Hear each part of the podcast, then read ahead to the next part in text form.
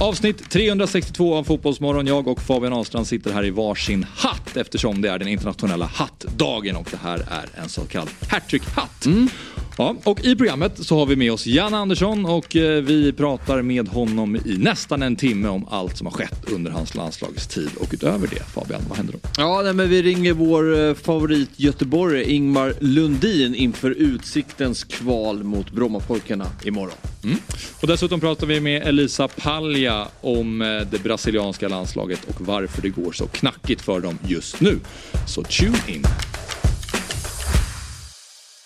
Fotbollsmorgon presenteras i samarbete med Stryktipset, en lördagsklassiker sedan 1934. Yeah, va? Woo! Va? Vad fan är det som händer?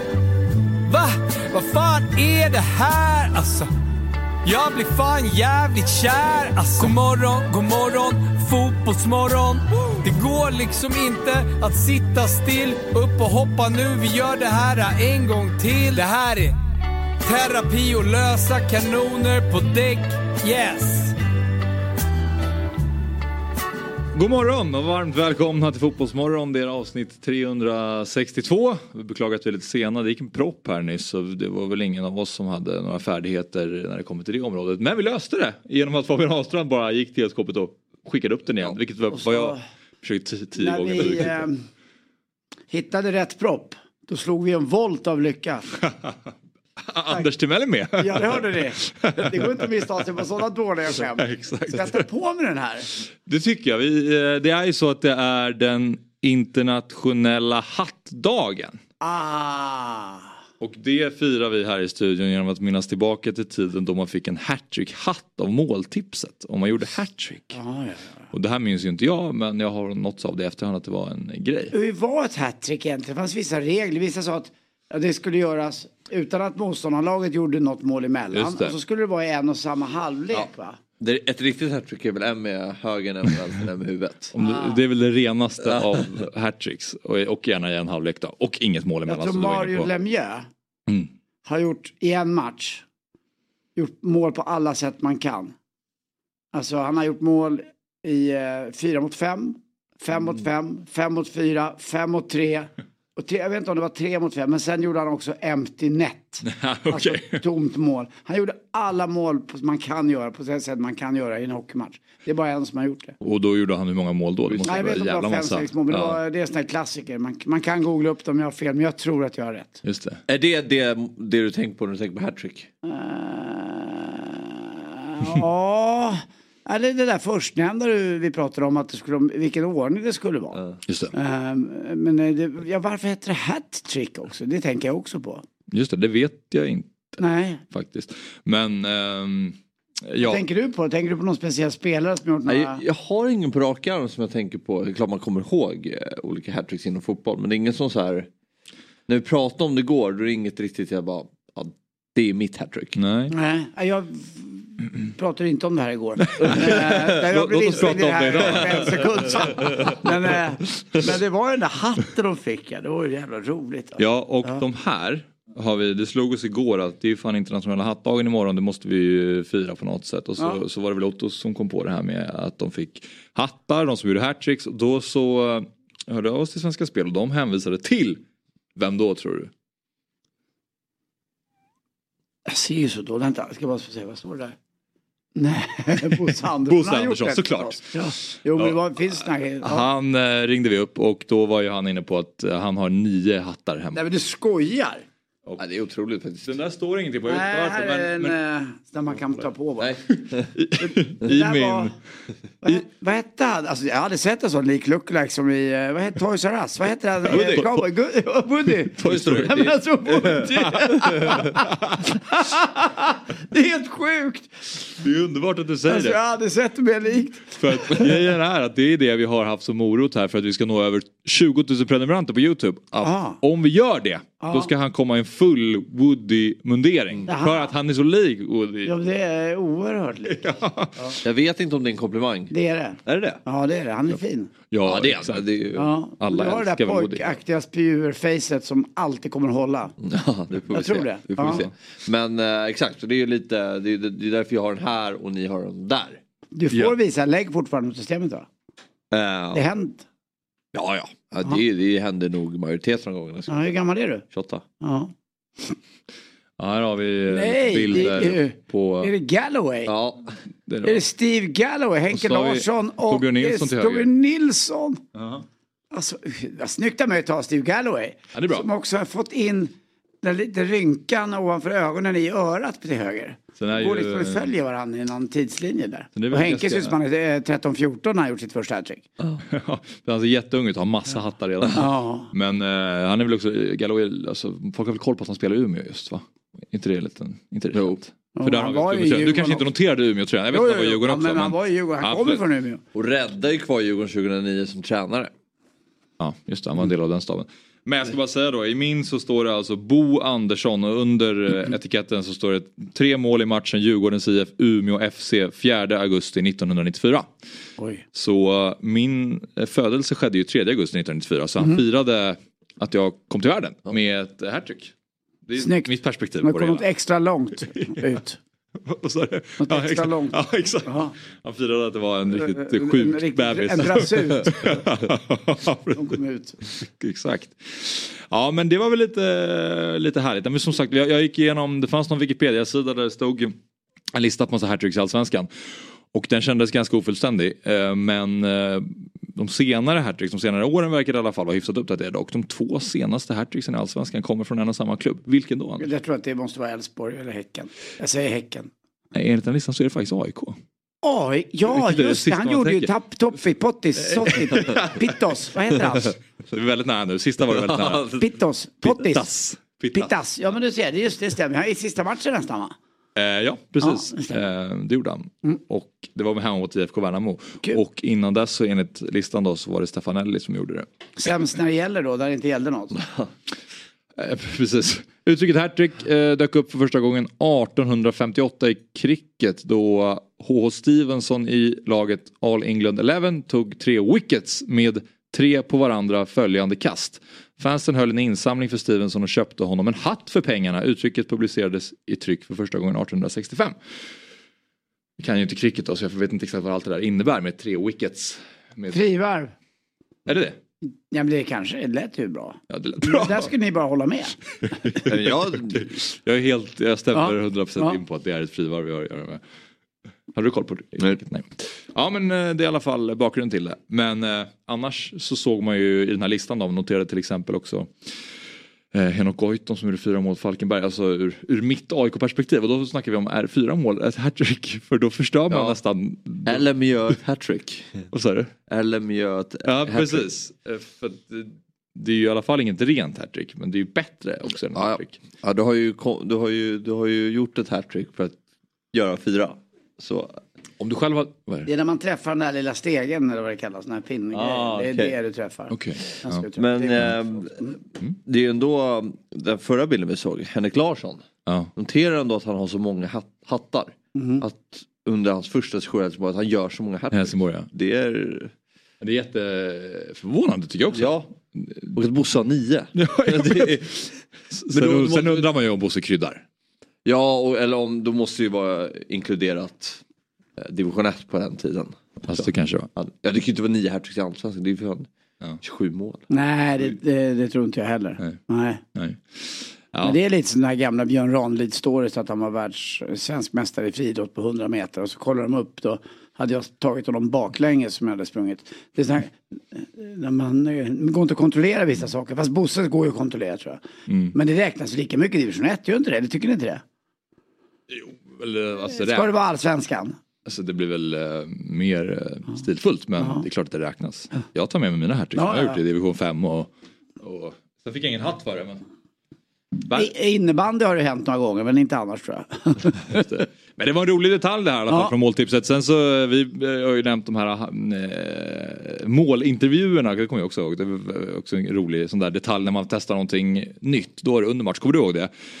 Ah. När en eh, spelare gjorde mål i Allsvenskan och direkt efter målet behövde springa ut och göra en snabb intervju och prata om målet. Ja det var kuppen. Jag måste rätta Var det bara kuppen? Ja det var kuppen. Aha, okej, okej. Ja, men det är bra att du rättar mig.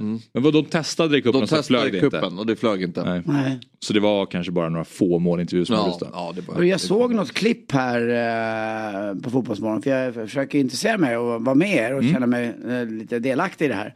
Alltså du är ju sjuklig vad det gäller resultat och grejer.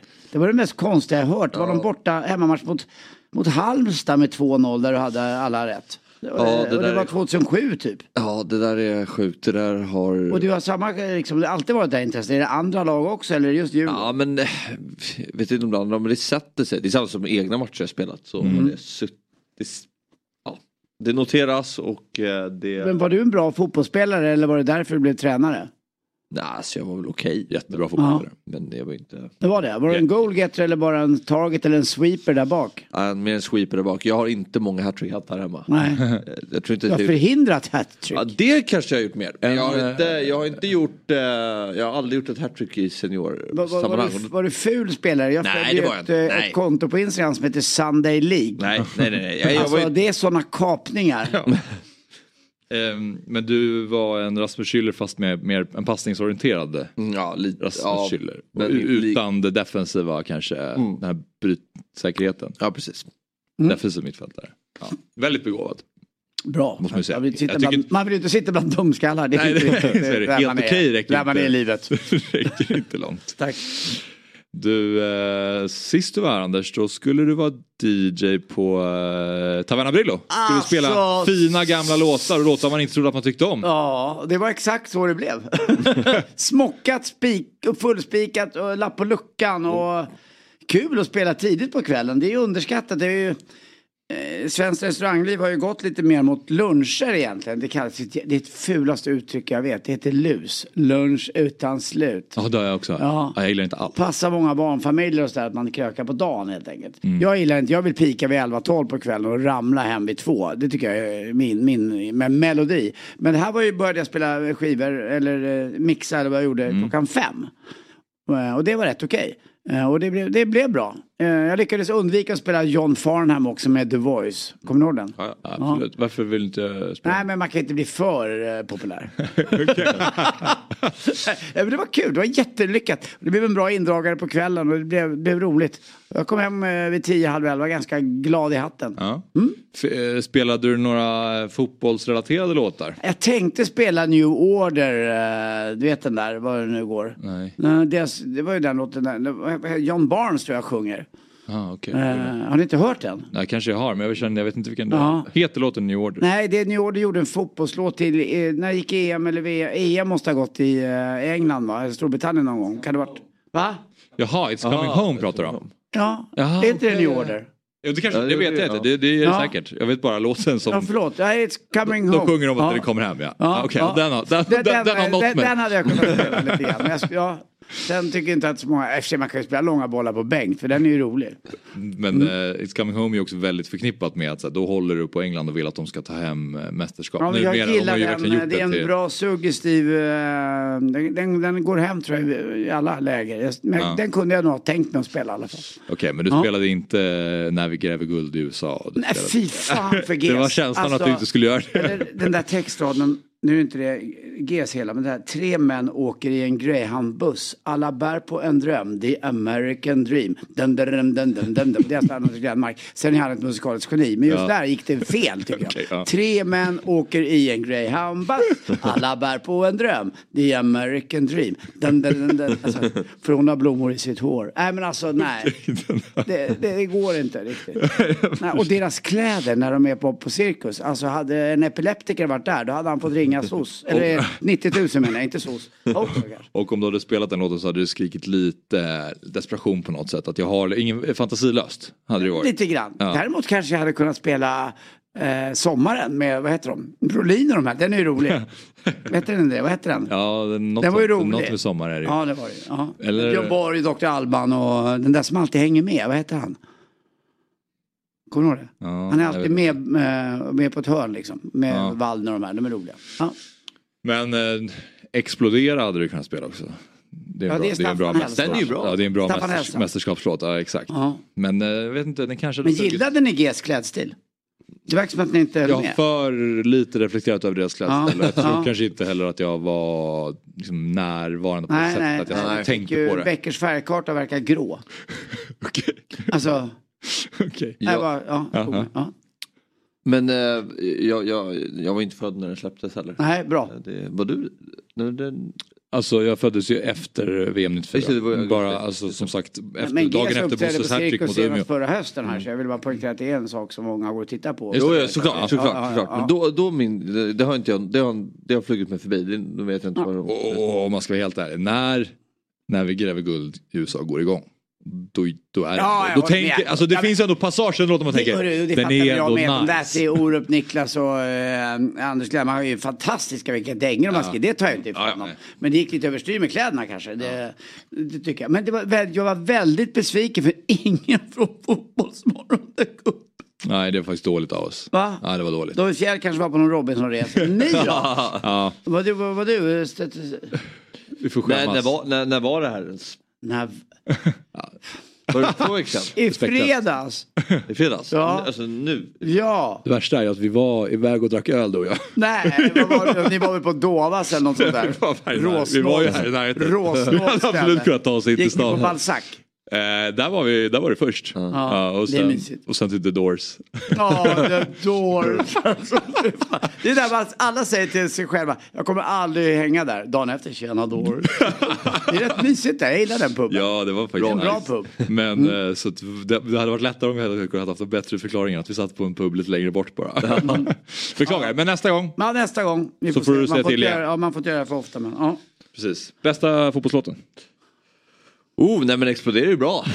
Den har väl ändå äh, åldrats väl trots liksom, dåligt resultat i EM-slutspelet. Ja men precis.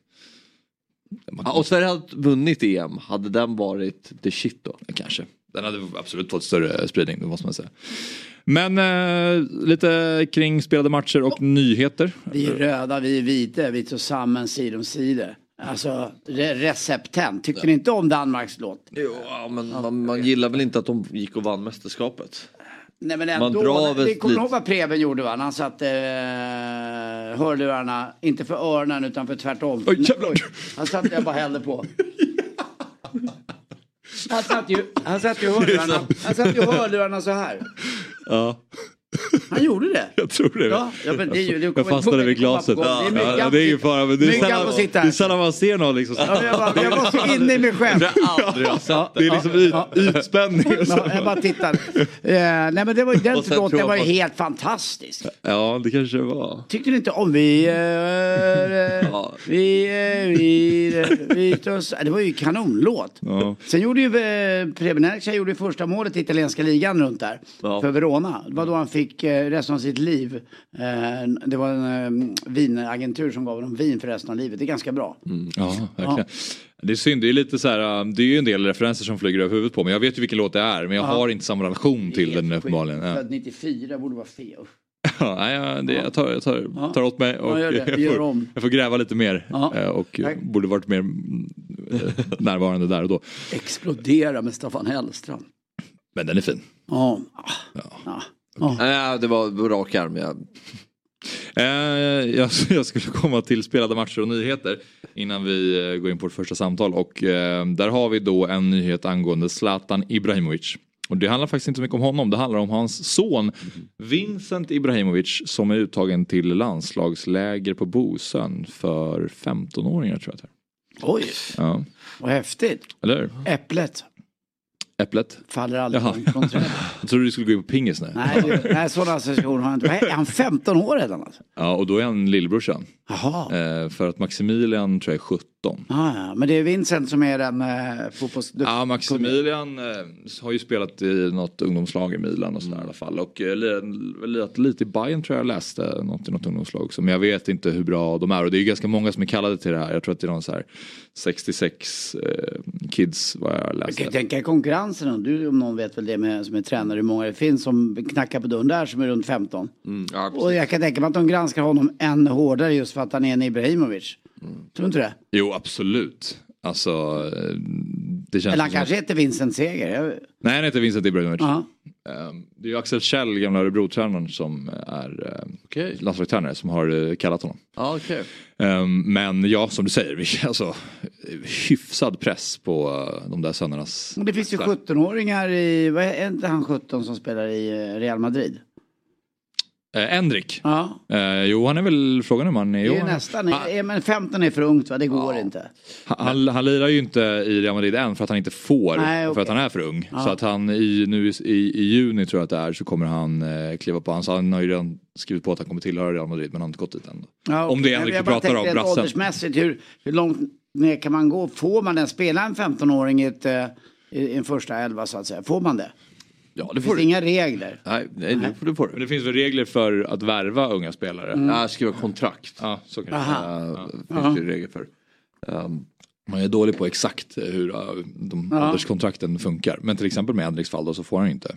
Eh, Kända fotbollsbanor, Jordan Larsson, kan vi, det är väl Ja. till exempel. Absolut.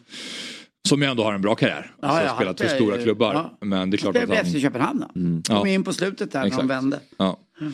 Ja. Och eh, spelat för uh, Schalke. Och, Ja, coolt. och vad har vi mer? AIK. Ja, AIK såklart.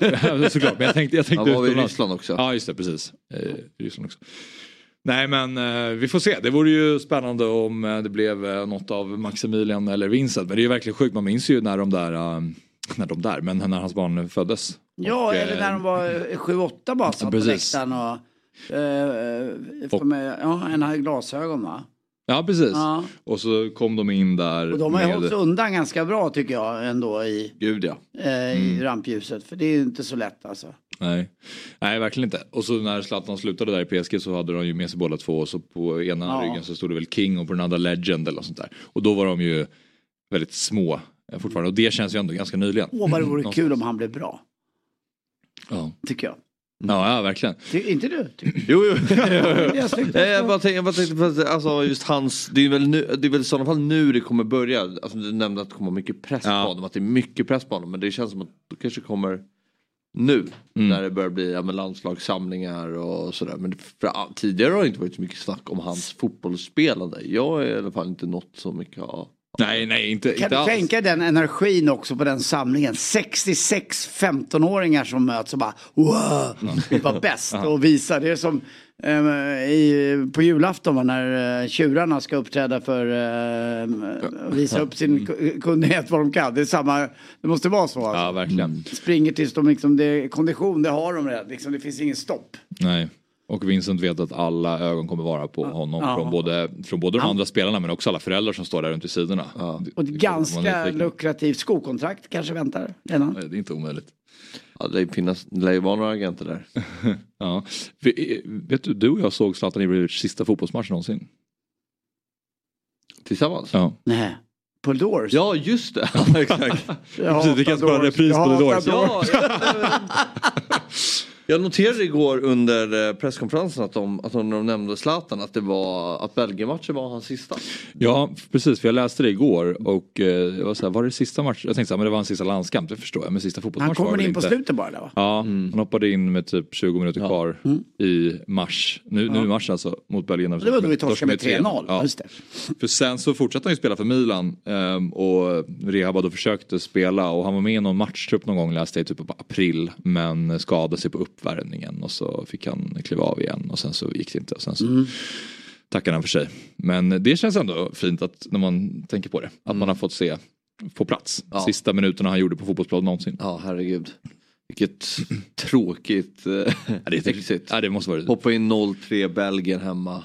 För det var, eller var det 0-2 kanske det var. Men ändå, det kändes ändå, Jag tror det man var ju godnatt. Det var godnatt och han, det kom ju också ett Zlatan-läge med lyran in i boxen och han tar ner den på bröstet men han är ju inte helt Zlatan. skadefri och inte helt eh, sharp i det läget så han tar lite för dålig touch, kan inte avsluta på ett och så tappar han bollen.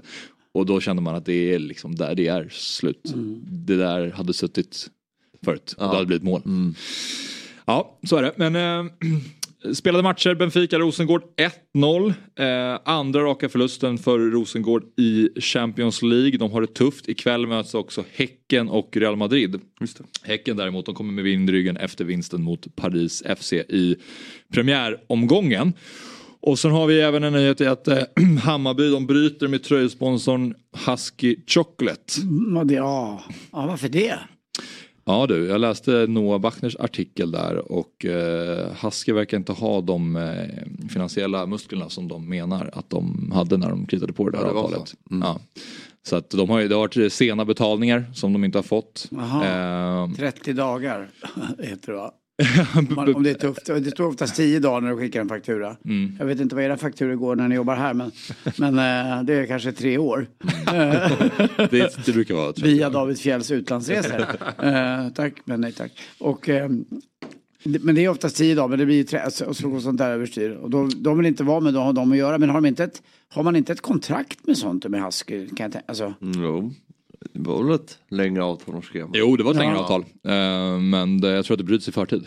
eh, Helt enkelt. Och eh, även alpina landslaget har ju haft Husky Chocolate som sponsor. Ja. Men de har också inte fått in betalningar i tid. Ja. Så att de har också brutit sitt samarbete. Så att, det verkar, de, och det, Husky, det verkar vara två ytterligare företag som de får pengar från. Och det verkar vara det Husky, var det tredjehandsföretaget. Husky kläder också? Var det så i skidlandslaget? Eller var... Ja, de hade... För de hade ju Trygg Hans, nej inte Ja. Trygg Hansen säger jag, Helly Hansen. ja, Hade ju de ett tag och sen bytte de till någonting. ja, men det var väl Husky. Alltså som Ja, det de var hade Husky som... också tror jag. Ja. Ja. Exakt. Mm, eh, Men eh, ja, de hade ju, de har haft Husky ett tag. Jag upplever inte att Hammarby supportrar har känt sig, att det har varit en jättestark relation till Husky som tröjsponsor. Även om de vann Husky Cup. Just det, ska Mot i England. Millwall. Ja, Millwall i finalen. Just det. Det var alltså, eftersom Millwall också har Husky då sponsor så möttes de Jaha. i England i någon match som de kallade för Husky Cup typ. Är det Millwall med de ökända supportrarna? Nej, exakt. Och eh, den vann ju Bayern och då Mm. tänkte de att det här är en pokal. Ja, ja, vad kul. Och det vet jag inte om man riktigt kan säga att det är. Men de, räkn... Nej, har de, ni- räknade, har som, ni- de räknade på själv skoj är jag ju eh, klassisk O'boyare. Ja, jag med. Jag tycker O'boy är gott. Sen fanns det när jag var liten så hette det ögonkaffe. Eh, det, hette, klö- eh, det var ögon, två ögon på. Ja, just det. Ja men det var lite tuffare, ni- det var lite mera Men det är kakao vanlig choklad i. Kakao kanske var Ja, exakt. det var väl kakao. Men eh. O'boy är ju mer, det är bara gott. Fan vad länge sedan var man drack det. Alltså det är så gott. Gå, alltså limpmacka. Limpmacka med ost på. och En liten, alltså det är inte dumt. Man fick av mamma när man kom hem efter man kanske hade gjort ett litet hattrick i parken.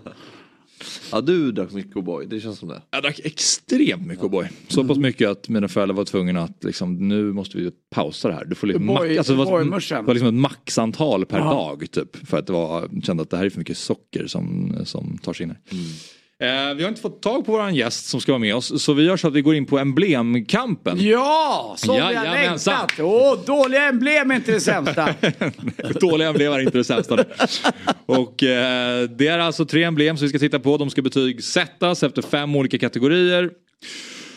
Kuriosa, färgkombination, form, motiv och originalitet.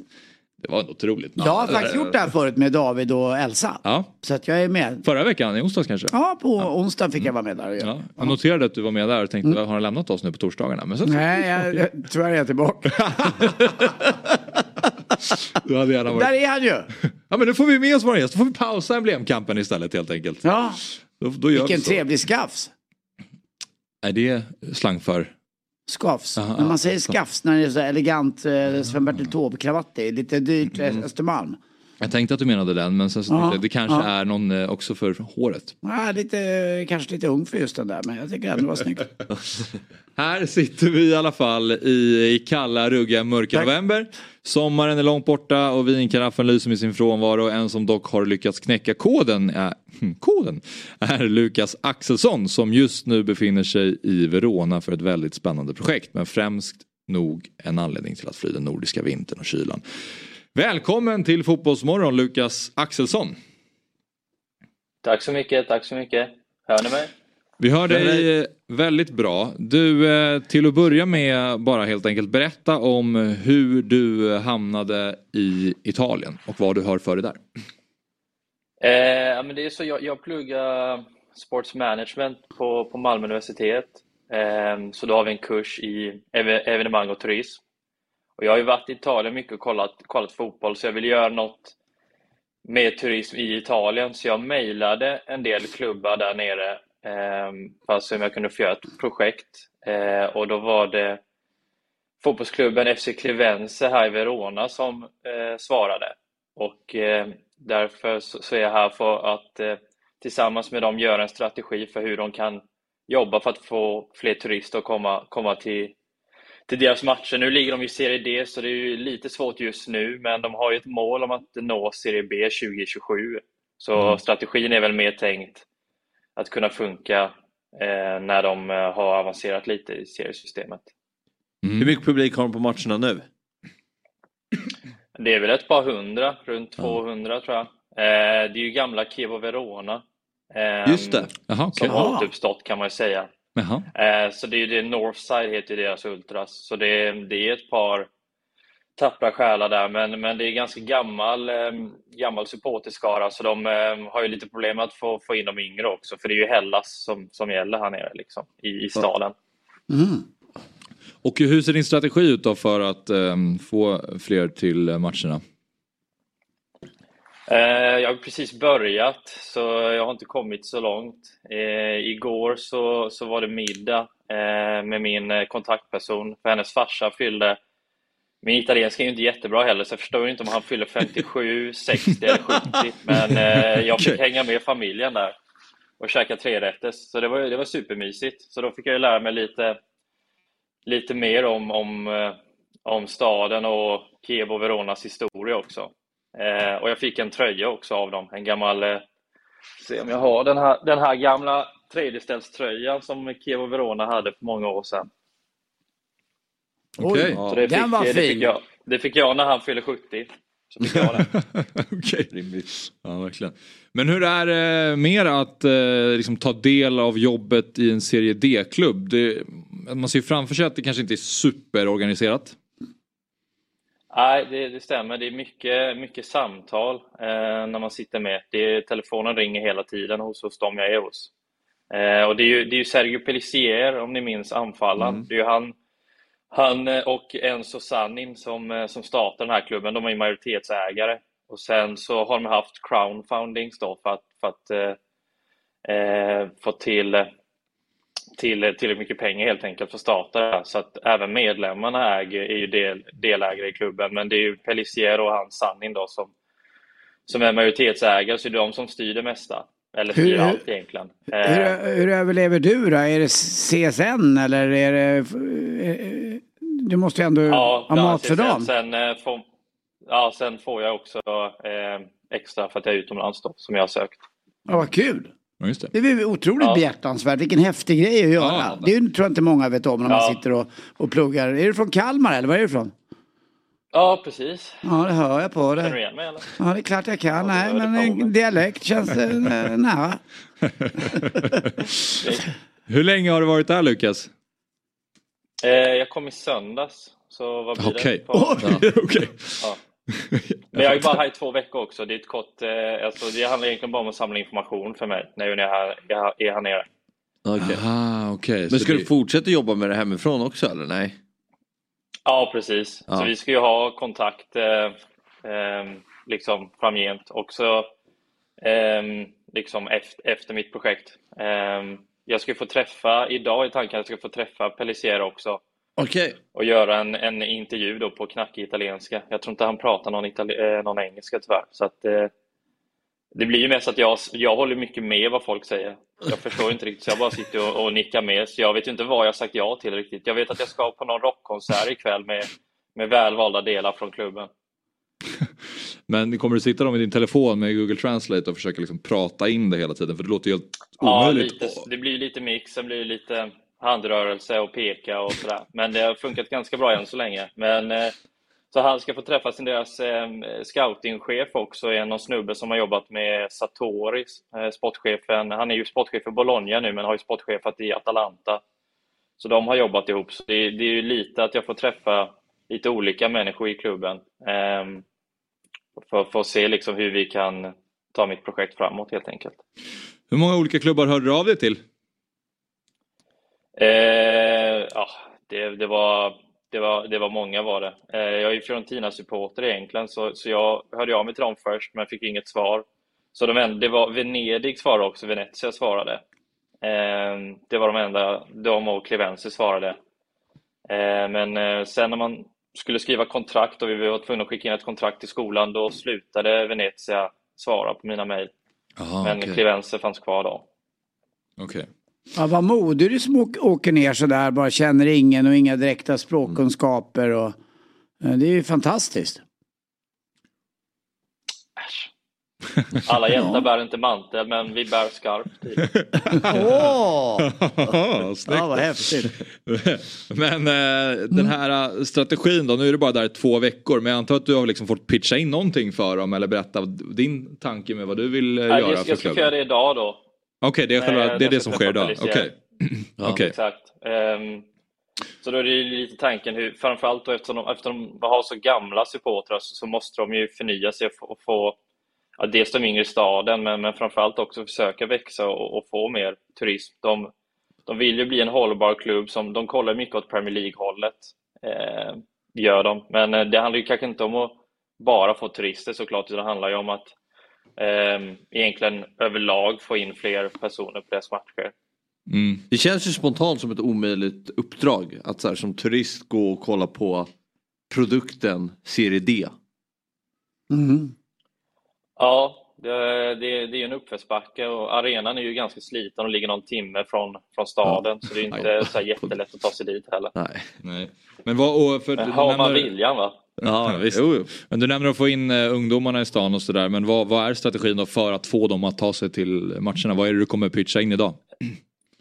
Uh, men de, de jag har pratat med i klubben, eh, alltså min kontaktperson Maddalena Zamboni är ju eh, deras marketingperson eh, person då och eh, som, eh, som jag har förstått det så är det musik väldigt populärt här nere så då har det varit om att man kanske kan på något sätt få in det då att man kanske kan ha någon eh, lokal artist som kanske drar någon trudelutt innan match eller sådär. Så lite, lite sådana grejer kan man försöka, alltså göra ett mer, eh, mer grejer runt om matcherna helt enkelt. Okej. Ja, ta hjälp av andra typer av evenemang. Till, in till fotboll. Ja men precis. Så kallad lead-in, eh, som det heter. Kiev och Hellas delade väl på arenan förut eller? Exakt, exakt. Ja. Men eh, om man tar det här till Sverige då. Jag vet inte hur mycket du har eh, funderat kring det. Men hur bra är svenska klubbar på att få in eh, turister till eh, arenorna?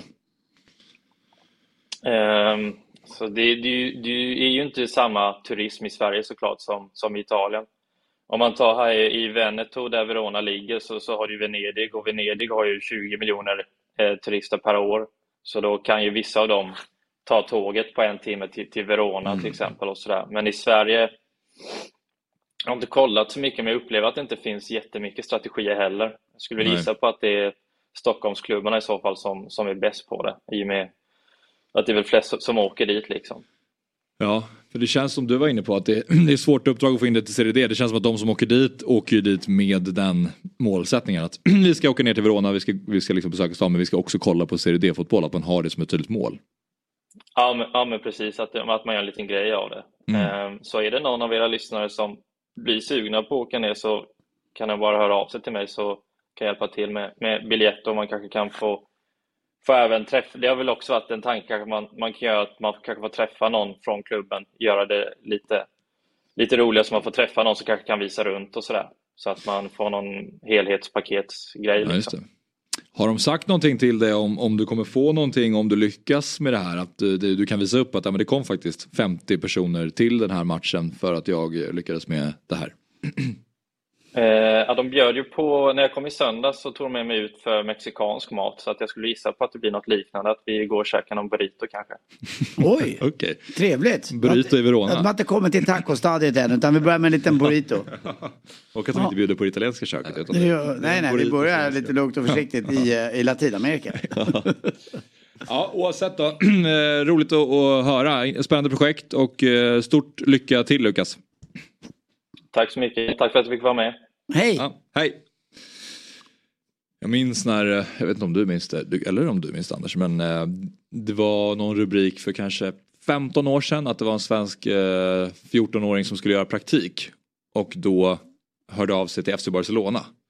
Nej. Och eh, tänkte att så, här, men det vore roligt att göra praktik hos Barca liksom. Aha. Och valde då att eh, skriva ett mail och, de, och fick svar att men kom, eh, kom de här datumen, det är två veckor absolut. Och liksom fick då gå liksom i katakomberna där i, på kontoret. I, Nej, vad häftigt.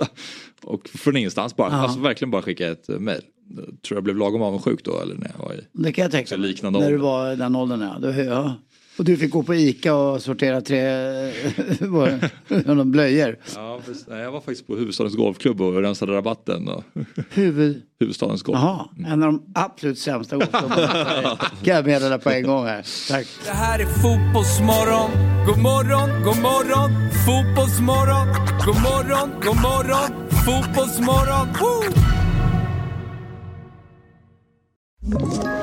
Ett poddtips från Podplay. I fallen jag aldrig glömmer djupdyker Hasse Aro i arbetet bakom några av Sveriges mest uppseendeväckande brottsutredningar. Går vi in med hemlig telefonavlyssning och, och då upplever vi att vi får en total förändring av hans beteende. Vad är det som händer nu? Vem är det som läcker? Och så säger han att jag är kriminell, jag har varit kriminell i hela mitt liv men att mörda ett barn, där går min gräns. Nya säsongen av Fallen jag aldrig glömmer på Podplay. Morgon, god morgon. Fotbollsmorgon. Woo! Nu ska vi röra oss vidare ner till ehm, Sydamerika. Det har onekligen hänt saftiga saker i den brasilianska fotbollen. Natten till igår utspelades ett riktigt klassikermöte på Maracanã. Brasilien tog emot grannlandet och världsmästarna Argentina i det sydamerikanska VM-kvalet. Och som vanligt var det heta känslor när dessa giganter ställdes mot varandra. Men den här gången hann matchen inte ens börja innan vi fick se kaosscener. Slagsmål bröt ut på läktarna och Argentinas målvakt Emiliano Martinez försökte stoppa brasilianska poliser från att slå med sina batonger mot borta supportrar. Och det finns en del att reda ut här och då är det ju tur att vi har våran egen expert på Brasilien och sydamerikansk fotboll, nämligen Elisa Palja. God morgon och hjärtligt välkommen tillbaka till Fotbollsmorgon. Hej, god morgon! Morgon. Det var länge sedan. Ja, exakt. Det var länge sedan. Kul att prata lite brasiliansk fotboll här, även om det har hänt en del saker som kanske man inte uppskattar i Brasilien. Berätta om hur det här eh, har tagits emot eh, i Brasilien. Ja, det känns som också att när jag är här så pratar jag alltid om dåliga saker som har hänt i Brasilien fotboll. Det har inte hänt så mycket bra med fotboll i Brasilien. Senaste... Jag, jag, har, jag har en snabb fråga bara. Den här matchen. Eh, Jag är inte så Ja. bevandrad i det. här. Var det en vänskapsmatch eller var det någonting i Copa America? Eller var, det var en vänskapslandskamp? Nej, ja, det var ju en lättskaps... kval. eh, kval för VM. Exakt. Eh, Ja, det var, den var viktig alltså. Ja, Det, det är jag vill bara veta digniteten, Ja, det- varför det de blev så arga eller okej, det var bara där jag ville. Ja. Absolut, ja. Eh, Så det var, så var viktigt och det, var, det gick dåligt för Brasilien och det började dåligt för, på matchen liksom redan från början. Eh, polisen i det här fallet hade den briljanta idé att inte separera båda supporters från eh, Argentina och Brasilien och låta liksom, dem blandas in i, eh, i arena. Och det här var också i Rio, i Maracanã, så liksom i, i, i den eh, klassiska eh, stadion liksom i, för, för landslaget också. Precis som du pratar om Barcelona och Camp Nou, liksom, det här är ju Brasiliens Camp Nou.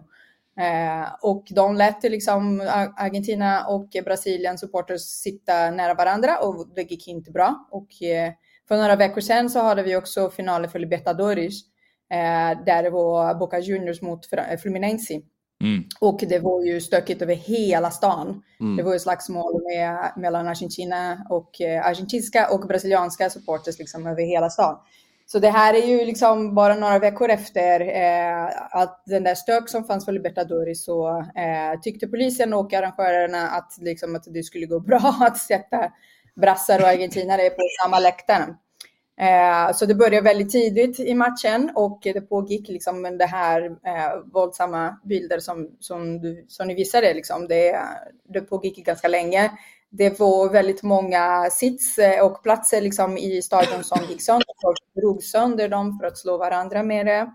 Eh, så det var ju ja, kaos. Eh, och dessutom så eh, gick det inte bra för Brasilien. Det gick ju bättre för Argentina som nu är ju ledare i, eh, i, eh, i gruppen eh, för att kvalificeras för, kvalificeras för VM. Har polisen kritiserats något för det här? För jag såg nå- det var något klipp, eller en sekvens från de här klippen när en polis ger sin batong till en supporter. Som sedermera slår till eh, argentinska supportrar. Hur har Hur har, eh, vad har folket sagt om Bras eller polisens insats i det här?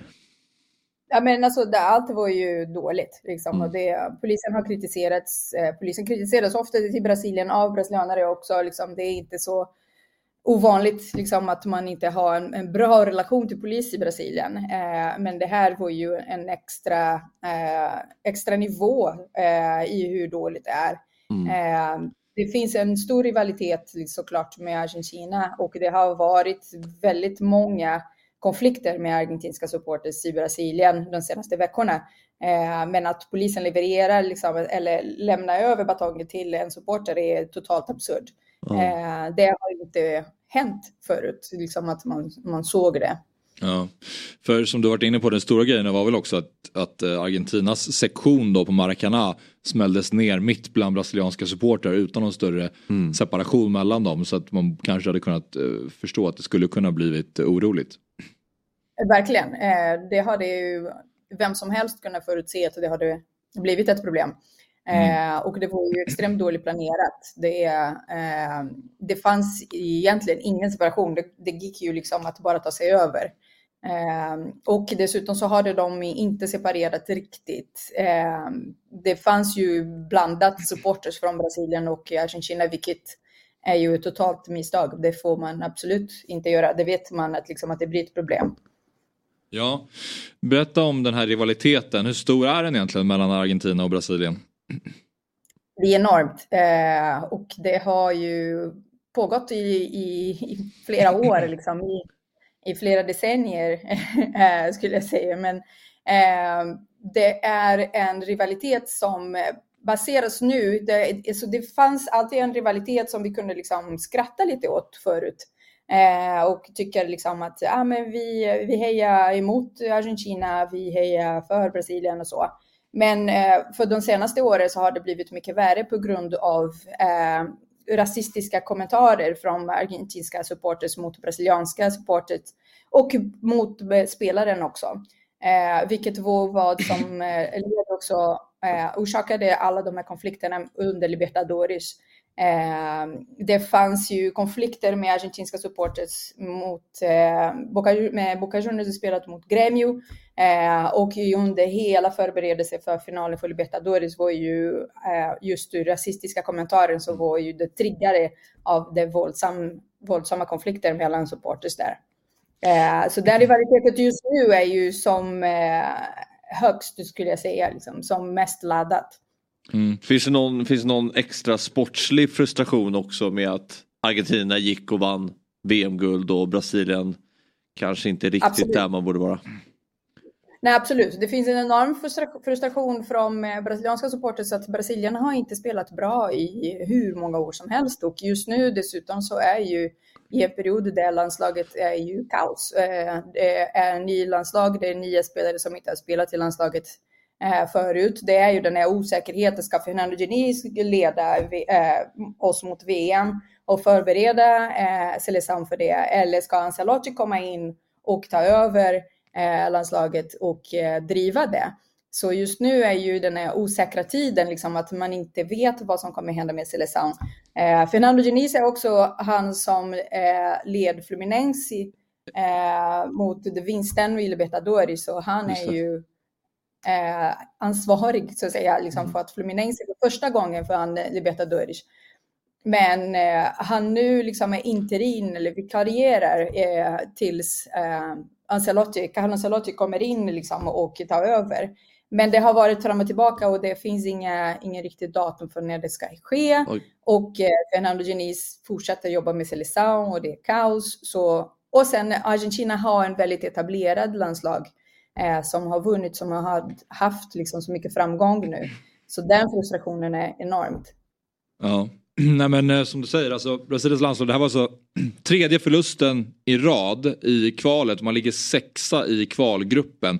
Åtta poäng bakom Argentina. Eh, hur skrivs det om det här? Hur mycket panik har eh, det brasilianska folket över att fotbollen just nu inte är särskilt framgångsrik? Det är panik framförallt att, med tank, äh, panik för, inför tanken att vi kanske missar VM. Eh, Vi? är du, Jag är från eh, jag, jag, tänker vad vi, håller du på Brasilien? Jag vill bara kolla här. Nej, jag är från Brasilien, jag är från Ja. Rio. Ja just det, men, eh, ja, eh, men jag bara undrar, men du, du håller också på Brasilien, men kan du vara, hålla dig neutral i det här? Nej, varför skulle jag göra det? Nej bra, nej, bra jag bara undrade. Ja. Vad är den heter den här tidningen? Är det, eh, Oglobo, eller Oglobo, vad heter den? Ja, och Globo, det finns ju många. Globo, Globo äger många olika tidningar. Ja just det, så är det. Ja, jag vill bara kolla. Nej, men, okej, vad skönt att du är jävig, det gillar man ju ändå. Ja, ja. Ja, men här, har, här har vi det brasilianska perspektivet. Ja, det har vi det brasilianska perspektivet. Men, Ja, vad, jag- vad, jag vad tror du? Tror du att de eh, tar sig vidare ur den här då? Att de klarar sig till VM? Nej, men det är det som är hela ängsligheten och, och rädslan, rädslan nu är liksom panik. Liksom. Tänk om vi missar VM för första gången någonsin. Eh, det fanns ju folk som pratade så här, med CBF och Fifa kommer ju snacka ihop sig så Brasilien kommer med ändå. Med att liksom alla vet att CBF och Fifa är ju så korrupta så de kanske kan snacka ihop sig och så. Eh, men eh, när det gäller resultat så är ju total panik för att liksom, skulle vi missa VM så är det ju helt oacceptabelt och det är en stor skandal för, för Brasilien överhuvudtaget. Den Ja, alltså. självbilden har man nog inte på SVFF. Att det spelar ingen roll om vi missar, vi kommer ändå, de vill ha med oss. De kommer se till att Sverige ska med. Det är inget mästerskap utan Sverige. nej, nej, det är ingen idé. Nej, Inga biljetter kommer säljas. Nej, det vore ju oerhört tomt utan ett Brasilien. Eh, eh. Ja, Men. Brasilien är ju lite som, även om de har vunnit många VM, men de är lite som Ha- Hammarby. Det, så här, eh, det blir mycket mål och roliga matcher, men de når inte riktigt ända fram jämt. Men ändå, man håller, jag tror att väldigt många i världen håller på Brasilien av gammal kärlek. Allt från Pelé till de här gamla som kom senare med, som jag kommer ihåg Brasilien i 82 mot Italien, där de egentligen var bäst i VM i Spanien. Men torskade då när Rossi gjorde tre mål, på tal om hattrick, som vi pratade om tidigare här och annat. Så att man har ju någonstans Brasilien också. Jag har varit två gånger i, i Rio. Det är alltså vilket land, vilken stad, vilket, eh, ja, häftigt. Jag, men jag är intresserad av det här med alltså, när de ska byta tränare. Det är alltså inte Ja. bestämt när det ska ske. Nej, och det har varit det här liksom att man väntar på att Real Madrid och Carlos Ancelotti, liksom, hur kontraktet ser ut och hur han kommer liksom, när kan han eh, släppas så att han kan ta över eh, landslaget i Brasilien. Och dessutom så här är ju den första gången eh, någon som är icke-brasiliansk kommer ju ta över Seleção. Det har ju aldrig funnits på kartan tidigare, men Brasilien har haft så dåliga resultat under så lång tid och, liksom, och hoppat och bli eliminerat och, och ta bort, alltså, tas bort från VM på kvartsfinal under så många VM nu. Så att liksom, vi öppnade upp för tanken att någon som inte är från Brasilien ska komma in och ta över Seleção.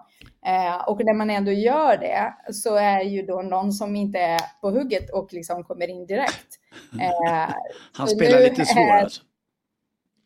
Verkligen, det gör han det verkligen. Och det, det kanske inte är han, det kanske liksom handlar om kontrakterna och det kanske är politisk eh, och, och så. Men eh, faktum är att vi har en interin eh, person där som försöker göra ett jobb och eh, skapa en ny grupp för landslaget, men som inte har den här säkerheten att veta att han kommer att leda landslaget till VM. Eh, så Fernando Diniz har en extremt otacksamt jobb just nu.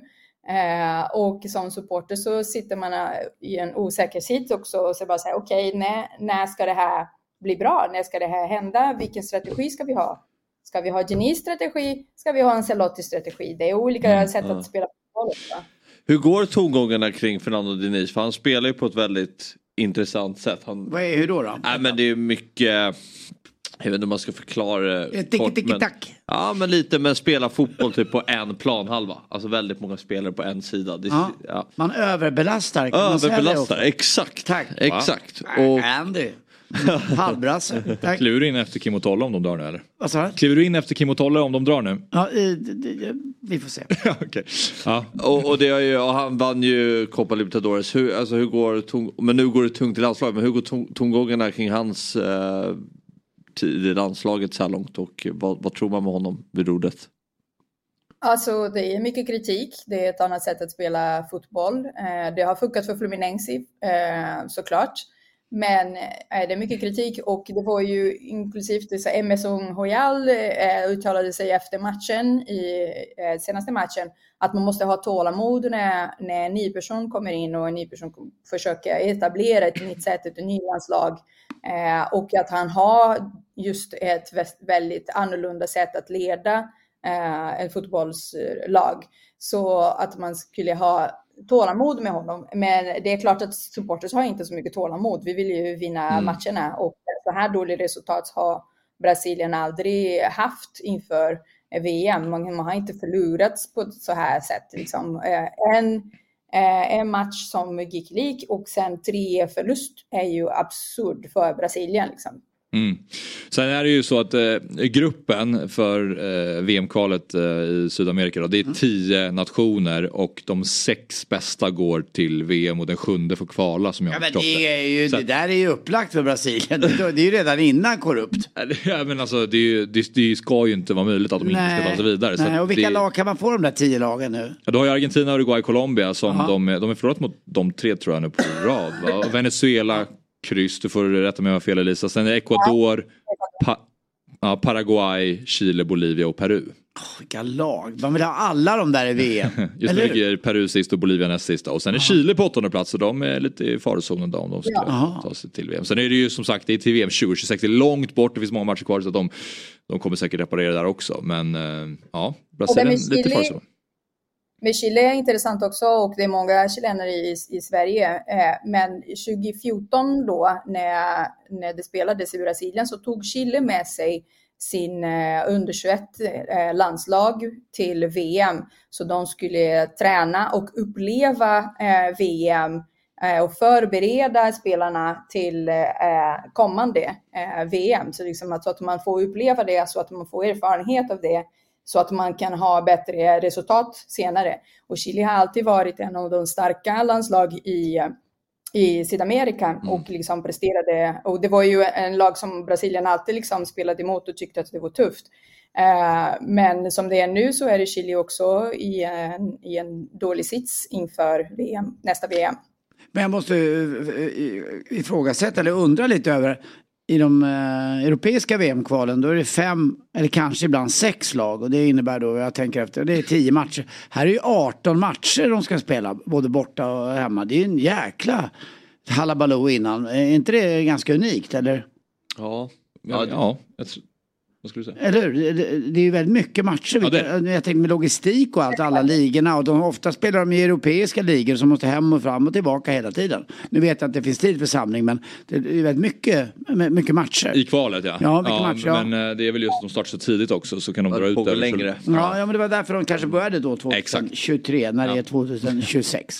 Jag vill bara kolla. Men det var, jag, det var min bara liten spaning. Och nästa Nästa match är ju bara nästa år om jag eh, kollat rätt, eller hur? Så då är ju nu för, för året, det finns ju lite tid också nu för Seleção att, liksom, att förbereda sig inför nästa match och då får man se om Ancelotti har bestämt sig och liksom har tagit över eller vad kommer nu hända. Men just nu är ju osäkra tider för Seleção. Mm. Ja, verkligen. Ja, eh, roligt att prata med dig igen Lisa och eh, stort tack. Ja, ha det fint. Heja Brasilien! Hej då.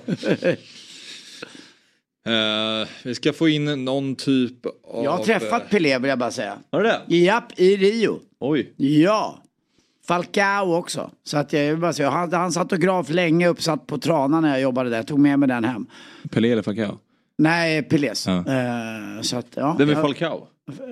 Han spelade, det var en du prat, lockig, ganska blond eh, mittfältare. Okay. Du, pratar du, för det finns ju, Radamel Falcao såklart, men det är ju en fotbollsanfallare. Men finns det inte också en beachvolley Falcao? Ja, men det här är den riktiga Falcao. Jag var där alltså i Brasilien 1988. Mm. så det är så. Vad heter futsal? Jag på... Eller futsal menar jag. Futsal menar jag. Jag menar inte. Ja. Alltså, ja. Bäst genom tiderna. Men ja, visst vill man ha Brasilien i VM? Ja, ja, ja. ja det var bara ja. ja. Ska vi ta en paus Viktor? Okej, okay. vi tar en paus. Vi är alldeles strax tillbaka. Då kommer Myggan in i studion och ska vi prata Stryktipset. Det här är Fotbollsmorgon. God morgon, god morgon. Fotbollsmorgon. God morgon, god morgon. Fotbollsmorgon. Woo! Hallå där! Fabian Ahlstrand från Dobb här. Jag vill tipsa om att 08 Fotboll är tillbaka som podcast helt fritt där poddar finns. Vi spelar in ett nytt avsnitt varje tisdag där vi går igenom det senaste som hänt i AIK, Hammarby och Djurgården. Så, när du lyssnat klart på Fotbollsmorgon och vill höra mer om Stockholmsfotbollen så finns 08 Fotboll med nytt avsnitt varje tisdag. 08 Fotboll finns fritt där poddar finns. Morgon, god morgon, fotbollsmorgon. Woo! För att vara tydlig då eh, så är det alltså eh, Axel Nyslander, Anders Timell, numera Myggan och Fabian Ahlstrand. Oliver kommer in och letar efter Fabbe. Han är där ute tror jag. Ja, ja. Men han kommer. Han kommer. Hur är läget? Ja, men jättebra. Torsdag. Torsdag. Mm. Skön dag. Raffe? Ja. Ägg. Hej. Du vet vad jag kör reppar idag? Den här akten. Den här? Kolla nacken. Med akten. Det där är ingen... eh, Oj, oj, oj. Den här kostar pengar alltså. Mm. Vad är det för något? Alltså, James Pierce. James Piercy. Det vet inte jag vad det är. Ja, ja, väldigt eh, dyrt. Är det så? Ja, men det finns ju många andra märken. Men eh, just det här märket är grymt. Ja, jag vill bara Det blir poängtera. kul att hänga med restaurangägare. Ja, tack. Så är det. Så här, det går inte att matcha oss. Nej. Ska du se det Myggan? Ja, verkligen. Ja. Jävlar. Nya Brillo. Kul, Ja, du är Kul, alltså. Ja. Fan, det är Men du är DJ ikväll hörde Succé. jag. Ja.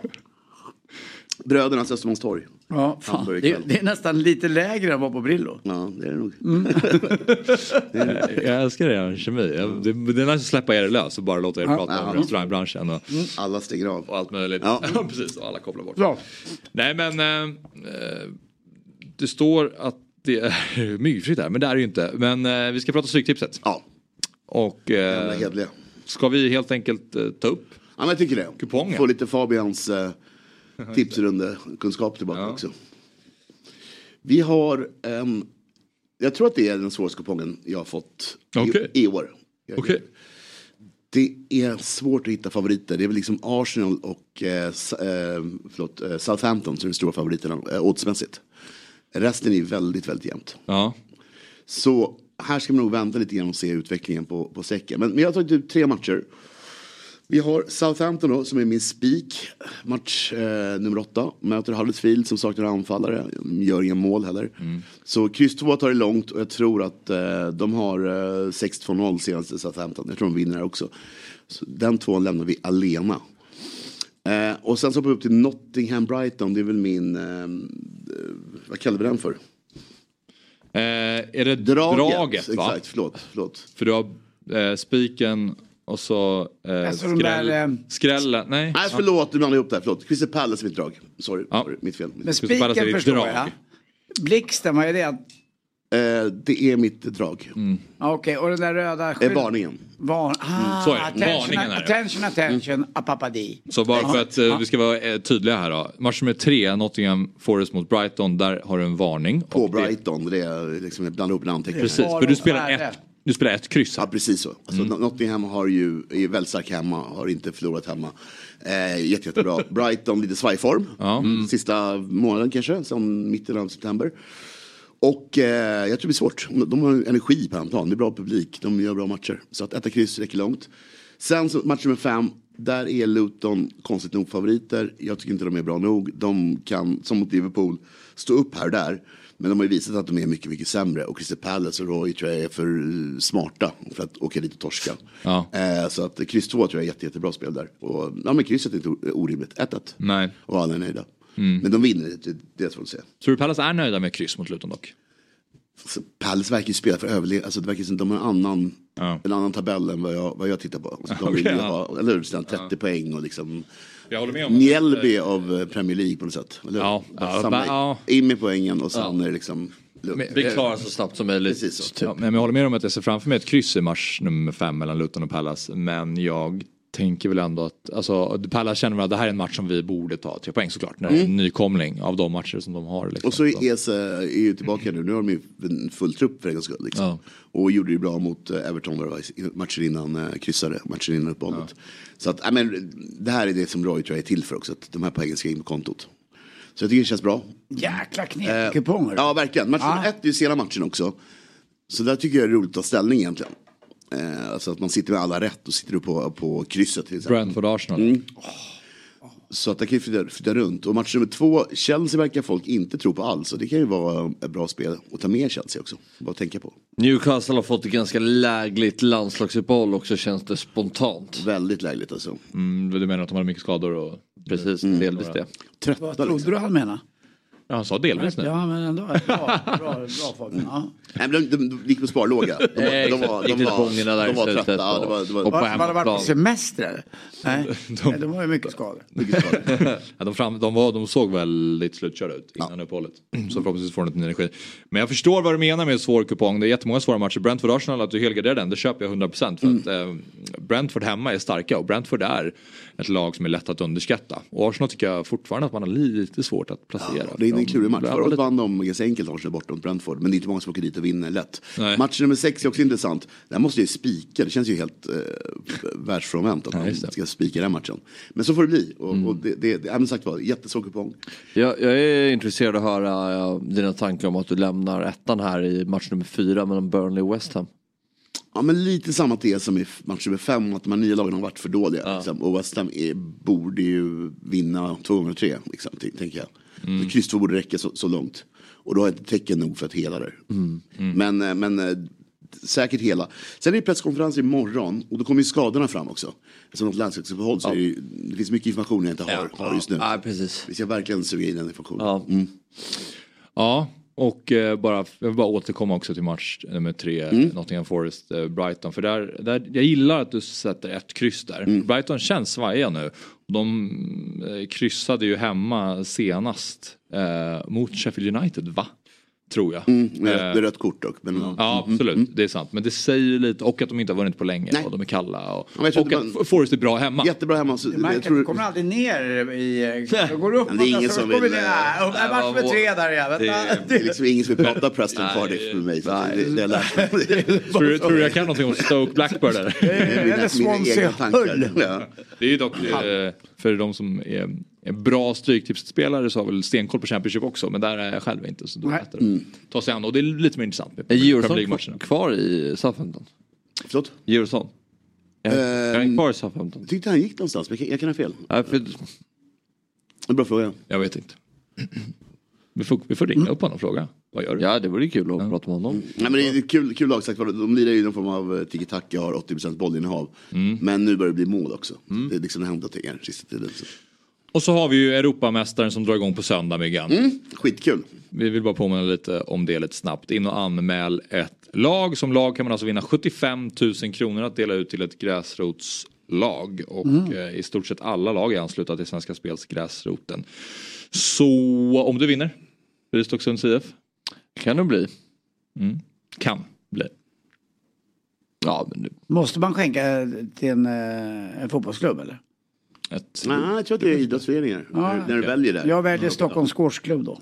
Okej. mm. Och jag hade valt att skänka mina pengar till Norrtulls SK som är min moderklubb. Norrtull? Norrtull ja. Nej. Jo. Där spelade min son en gång i tiden. Ja, fint. Mysigt. Ja. Och Karlberg började han med Norrtull tror jag. Bra, bra byte. Ja, men sen blev det inte mer. Nej. Nej, Djurgården lite grann. Han fick gå in någon gång på Stockholms stadion med de st- stora grabbarna. Men en av tre bra klubbar i alla fall. Ja. Ja. Myggan då? Nej, man, men de tog ju bort allsvenska lagen, de är en annan sponsor. Så jag tog Djurgården, typ eh, fäkting kanske någonting. Eh, Man väljer varje år vem Laslo. du vill eh, lägga till. Exakt? Ja. exakt. Du Ungrare. det? Ja, det gick ju där. Det var ju Ja, stor grej. ja. ah, Laszlo. Ja. Det med. Vart med ja. OS. Mycket- Många ungrare som är duktiga på, på just Han var jättehård. Och även florett och hej hörde jag ropa på hjälp Det Aha. Kommer D'Artagnan, Zorro och några till och bara... Det gick, fort, det gick fort från Europamästaren till D'Artagnan och, och Zorro. Ja, Jag vet inte riktigt men det går är. fort ibland. Det går fort. Det här ska bli skitkul. Och min fråga är bara, vi har ju vardagslaget, ni är lördags. Ja, precis. Vi är lördagslaget. Finns det ett tredje lag eller är det två? Ja, Ja, redaktionslaget. redaktionslaget. Ja, snyggt. Oj. Ja, och det kommer bli en jäkligt... Mm. Jag tror det kommer bli en nagelbitare. Ja, men Europatipset är tufft. Det är, Mm. Det är där man sållar. Men både Europatipset och Stryktipset det är ju produkter från Svenska Spel, Sport och Casino AB och det är åldersgräns 18 år och om man har problem med spel så finns stödlinjen.se. Morgon, god morgon, fotbollsmorgon. Woo! Vi har med oss vår nästa gäst på tråden. Och eh, han är alltså Utsiktens starke man. I 50 år har han varit föreningen trogen. Imorgon spelar Kiken sin största match i klubbens historia. Brommapojkarna står för motståndet och i vinstpotten så ligger en plats i Allsvenskan 2024. Hur ser uppladdningen ut? Hur nervös är en sportchef i det här läget och hur är den här resan ens möjlig? Det ska Ingemar Lundin nu få svara på. Så vi säger god morgon och hjärtligt välkommen till Fotbollsmorgon Ingemar. Eh, god morgon, god morgon. Eh, hör du mig? Ja, vi hör Ja, dig. Mycket bra. ja, vilka armband och glasögon och du ser ut som du ska ut och dansa. Är det lördagkväll? Uppknäppt och läpp, allting. Vad, är, vad händer här på morgonen? Ja, ja, jo, det händer mycket. Ja, nej, jag brukar vara uppe på morgonen tidigt. Elegant. Ja, mycket elegant. Ja. Ja, tack. Ingemar, eh, det är alltså en dag till avspark i det första av två kvalmöten. Hur eh, nervös är du? Är nervös som vanligt. Det är ingen större skillnad på, på en van- vanlig match och den här. Men eh, det är klart det pirrar lite extra. Det, det är ju två avgörande matcher som, som kommer bestämma vårt öde. Eh, Ja. vi, vi hade ju en bra period där vi spelade om direktplatserna men nu, nu, eh, ja, men nu är vi på en kvalplats och nu får vi ta det. Så att, eh, Nu, och nu kan ju Nej, vi- vädret, vädret kan ju spela in nu också. Det är ju vinter på gång över stora delar av Sverige. Det, ska vara varmt nu några dagar men sen blir det en kölsmocka igen som kommer ner över hela Sverige. Det kan ju faktiskt eh, spela in. Ja, det är snarare måndagsmatchen vad jag har sett nu här i Göteborg. Så att ja, det var ett jävla väder igår. Det blåste kopiöst. Jag bor ju ute på en ö så att jag känner av det. Eh, men men eh, det ska vara bättre idag så att jag hoppas på att det ska vara hyggligt till imorgon. Eh, men det, det är väl snarare kanske bortamatchen för oss på måndag som, eh, som vi blir påverkade av. Men Ingmar, ni, ni, ni slog ju Västerås där i, i slutet av augusti med 4-0 och efter det tror jag ni har två segrar, fyra oavgjorda och fem förluster. Hur är formen på Utsikten? Eh, baserat på det du säger så, så är det, inte bra. men men eh, nej, jag tycker så här om man ska riktigt. Vi har gjort två riktiga plattmatcher liksom av den här eh, sviten du räknade upp. Det är Brage, Brage borta, Örebro borta. Det är liksom, så får det inte se ut. Eh, I övrigt liksom så gör vi en jävla eh, skitmatch. Jag, jag tycker utan att skylla på några domare men mot Trelleborg hemma, liksom, vi leder med 2-0. Hade någon sagt till mig att vi skulle förlora den matchen så, så hade jag... Nej, det hade jag inte trott på. Sen, vi åker på en olycklig utvisning som... Eh, jag vet inte var han hittade den. Men, men det är skitsamma. Det, det tycker jag är, det är en av de matcherna som vi gjorde. Och sen, sen vek vi oss lite i skallarna. Men det som jag plockar med mig positivt är väl egentligen så här att vi, vi, de matcherna som vi har behövt kliva fram, då har vi ändå gjort det. Liksom efter Västerås så möter vi ändå Öster i en ganska avgörande match. Vi slår dem. Eh, vi möter Gais, vi är tving, tvingade att vinna mot Gais för att få den här möjligheten. Och det, då vinner vi mot Gais. Liksom med, med all respekt för att de var klara. Men, men jag tror inte att de ställde ut skorna mot oss precis. Så att, eh, och, och vi hade lite tur på slutet så att vi får vara tacksamma för, för att vi redde ut det.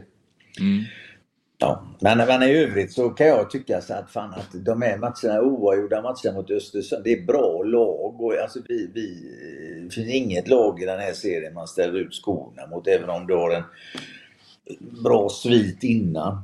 Så att ja, nej, vi, vi, nu är vi där vi är och nu eh, ska vi försöka vinna mot BP. Och eh, reglerna är de nya va? Att ett, ett bortamål är inte dubbelt längre utan det är vad det är det här.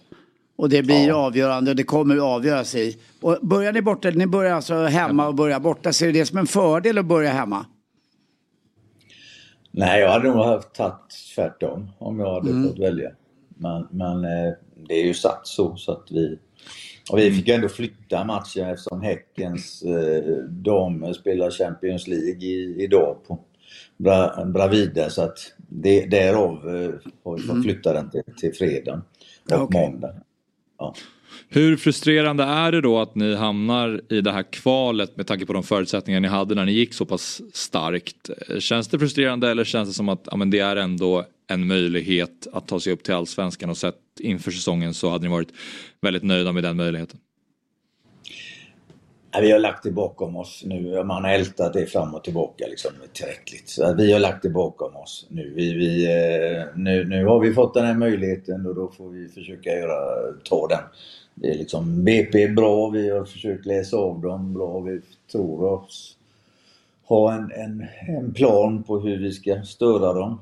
Eh, Eh, sen har jag all respekt. Jag tycker BP är ett fantastiskt bra fotbollslag. De hade väl också, om man nu, eh, en, en flow-vår. Där mm. De låg väl femma ett tag liksom på bäst av Stockholmslagen. Mm. Om jag kommer ihåg rätt. Så att, Stämmer. Ja, jag tycker och sen satt jag och tittade på dem mot, mot Häcken i avslutningsmatchen och det, jag menar, det är inget eh, snack om att de är bättre tycker jag än Häcken. Så att jag, jag, eh, nej, jag tror att vi är två lag som är, försöker, försöker eh, ta i. Så det blir nog jämnt. Har du försökt coola ner spelarna inför matchen? För ni har ju varit inblandade i ganska många, eller ni har ju fått ganska många röda kort i, i viktiga matcher. Ja, jag tycker det är lite, lite överdrivet. Ja, ja, alltså när man får, får du rött kort, liksom, alltså vad fan hittar du dem? Eh, får ju rött kort mot Trelleborg liksom, fortfarande. Liksom, att han fortfarande får döma, det är ju helt otroligt. Liksom, det, nej, men jag köper... det sipprar ut lite besvikelse här märker jag. Att besvikelse, jag är bara förbannad. Liksom, det, det är fortfarande, det, det kan gräma mig. Men skit, vi har tagit på oss för mycket onödiga gula kort. Det, det kan jag ge oss. Men vi har jobbat med det, liksom, försökt ta bort de här jävla dumma korten, kommentarer, mm. liksom efterslängar. Sen vi, vi, tar, vi, vi har ett aggressivt sätt att spela fotboll. Mm. Och då, då innebär det ett annat kort och det tar vi alla dagar i veckan. Så vi det inte är några dumma grejer. Liksom vi, vi, men det är vårt sätt att spela. Nej, jag tycker inte, jag tycker inte vi blir riktigt rättvist bedömda när, vi, när man talar om att signifikativt med utsikten, det är röda och gula kort. Det är inte riktigt rättvist tycker inte jag. Nej, där kan jag faktiskt hålla med. Det är många man kan diskutera om det är röda kort. Ja, okay. det... ja. Men eh, Ingmar inför säsongen då, ni tippades att åka ur av media och nyligen publicerade Sportbladet ett, ett tabelltips inför nästa års allsvenska. Där hade vi BP med, inte Utsikten då till exempel.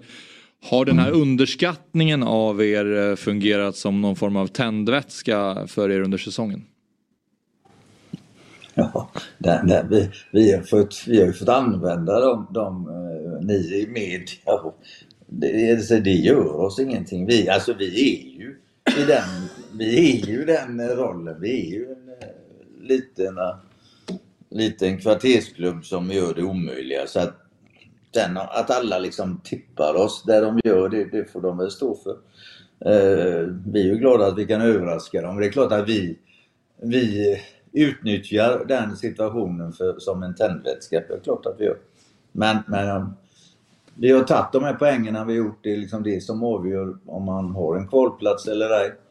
Var man nu blir placerad och jag tycker att vi har gjort en, oavsett utgången i kvalet, så har vi gjort en, en bra säsong. Och det ska både ledare och spelare och all, all eloge för. Eh, och kan, det kanske också ligger lite i fatet att ni ändå är lite nöjda att ni har visat att, att ni finns och att, att ni kanske inte är mätta men att eh, inte har det där riktiga som BP spelar väl mer med, med lite ja, kniven på strupen lite grann. Att de, de ska ju vinna det här och det kanske kan vara en fördel för er i och för sig att ni kan vara lite mer avslappnade, är det så? Ja det kan det vara men vi är inte, vi är inte mätta det kan jag tala om för dig. Nej, bra. Liksom, det, det är vi inte. Utan vi, vi, tar, vi tar den här matchen som en möjlighet. Vi, vi, vi hade chans på direktuppflyttning, nu är den chansen borta. All, all cred till Västerås och Gais, de gjorde det bättre. Liksom, eh, så, så ja, nu är det den här avgörande matchen mot BP. Och, och vi ska göra allt för att, att störa BP och försöka vinna. Mm. Det, Men för du har ju varit en del av eh, den här föreningen så pass, så pass många år. Hur känns det för dig personligen att ni är i den här positionen nu? Nu är det ju fortfarande det här sista steget tills ni faktiskt är i Allsvenskan men att ni ändå tagit er dit när ni är idag. Nej, jag tycker det är fantastiskt gjort av alla liksom i, i runt våran förening nu. Nu jobbar ju vi, det har vi gjort hela året för att liksom bli bättre i organisation, bli bättre på alla sätt så att vi ska kunna leva upp till att vara en förening som förtjänar att vara på den här nivåerna. Eh, vi utökar våran akademi, det går inte att jämföra med BP, det, det är lite pinsamt ens att nämna våran akademi jämfört med dem. Jag tycker det är en fantastisk förening, BP, som levererar eh, spelare ja, på alla nivåer. Så att vi, men vi utökar våran akademi och det, det är väl lite det vi ska göra i västra Göteborg. Vi, vi kommer försöka jobba med och, och det är ett bra upptagningsområde för oss och, och, och hoppas att kunna rekrytera i, i, i yngre åldrarna. Vi går ner mot 12 år i våran akademi och har tidigare bara legat på 16 år och vårt yngsta låg varit. Så att, alltså det, men det är ju mer på sikt hur vi jobbar som förening. Eh, vi inser ju också att vi kan inte, vi har ingen plånbok till att köpa spelare för att konkurrera utan vi får ju titta på den hyllan där, där ofta kanske nu, nu är vi ju lite mer etablerade så nu kanske vi blir lite intressantare. Annars tror jag inte Utsikten kanske är ett första val för, för de spelarna som vill ta ett steg till. Mm. Eh, men vi, vi, vi, vi, får, vi rättar oss efter vårat sätt att jobba. Och, mm. Nu ska man absolut inte gå händelserna i förväg men jag tänker just apropå spelarlöner och så här, vad, vad skulle innebära ekonomiskt? Vilka ekonomiska utmaningar kommer Utsikten ha om ni skulle gå upp till Allsvenskan? Det är väl egentligen att kunna eh, hushålla med de SEF-pengar för det är ju liksom den största delen eh, av våran, eh, våra intäkter. Vi, vi jobbar stenhårt på våran sponsorsida och marknadssida och försöker... Men alltså det kostar oss jävligt mycket pengar att spela på, på, på Bravida och nu kommer vi inte få flyg, kom, Vi har fått besked om att vi kommer inte spela år 24 heller på våran hemmaplan. Så att det blir tredje året vi spelar på bortaplan. Mm. Eh, det är en jävla stor kostnad som jag tycker eh, kommun och liksom eh, Gotevent idrott och föreningsförvaltningen borde... Vi, vi är fotbollens RIK och det borde de kompensera oss för. Det är, men, men det är klart att ekonomin kommer spela jättestor roll. Jag hoppas att vi ska kunna skava av lite pengar förutom spelarlöner och ledarlöner som naturligtvis skulle gå upp om man spelar i Allsvenskan. Eh, så hoppas vi att kunna skava av för att kunna avlöna en organisation runt klubben. Vi har ju mestadels ideella människor som gör alla de här uppdragen som man har i en förening. Eh, det, det är väl det som det största delen skulle förändra. Mm. Ja. Men eh, inför matchen nu mot BP då Ingmar, hur ser förutsättningarna ut för er del? Har ni en skadefri eh, trupp? Hur eh, väl förberedda kommer ni till matchen?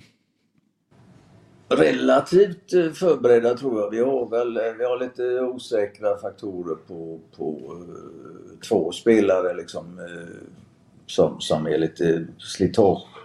Som vi i stort sett inte vet förrän vi okay. ja, värm, värmer upp innan imorgon.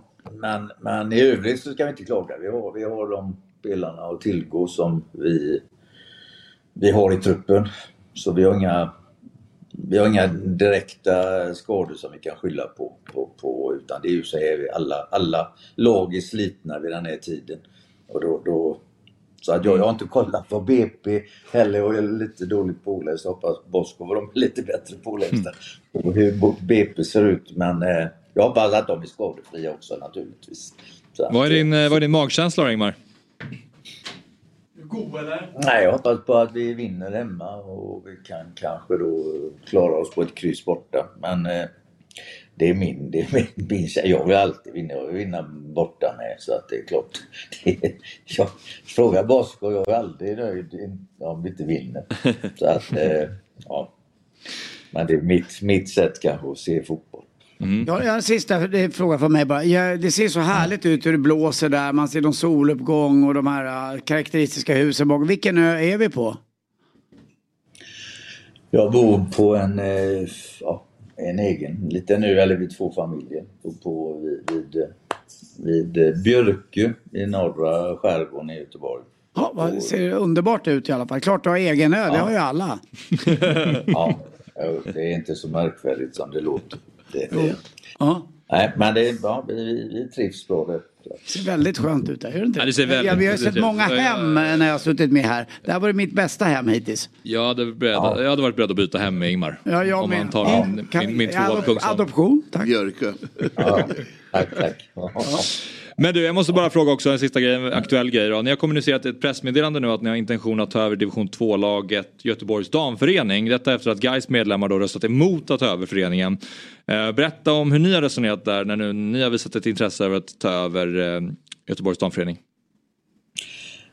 Vi, vi sitter väl i, i, i den sitsen. Vi, vi, vi utökar ju vår akademi som så både på flick och, och pojksidan. Vi har ju inte haft något, något eh, varken flicklag eller damlag tidigare men, men eh, vi inser liksom att vi, vi eh, det, det, är det enda rätta att göra liksom och nu fick vi en förfrågan när när Geist tackade nej till, till GDFF som de heter och de, de de har en färdig organisation och det är klart att det är väl inte, jag, jag kan väl hålla med om att det är, om de kallar det en genväg, så, så eh, vi ser det snarare så här att vi ser fördelen med det på grund av att vi har faciliteter. Det är inte, inte bara liksom A-laget som inte får spela på våran hemmaarena.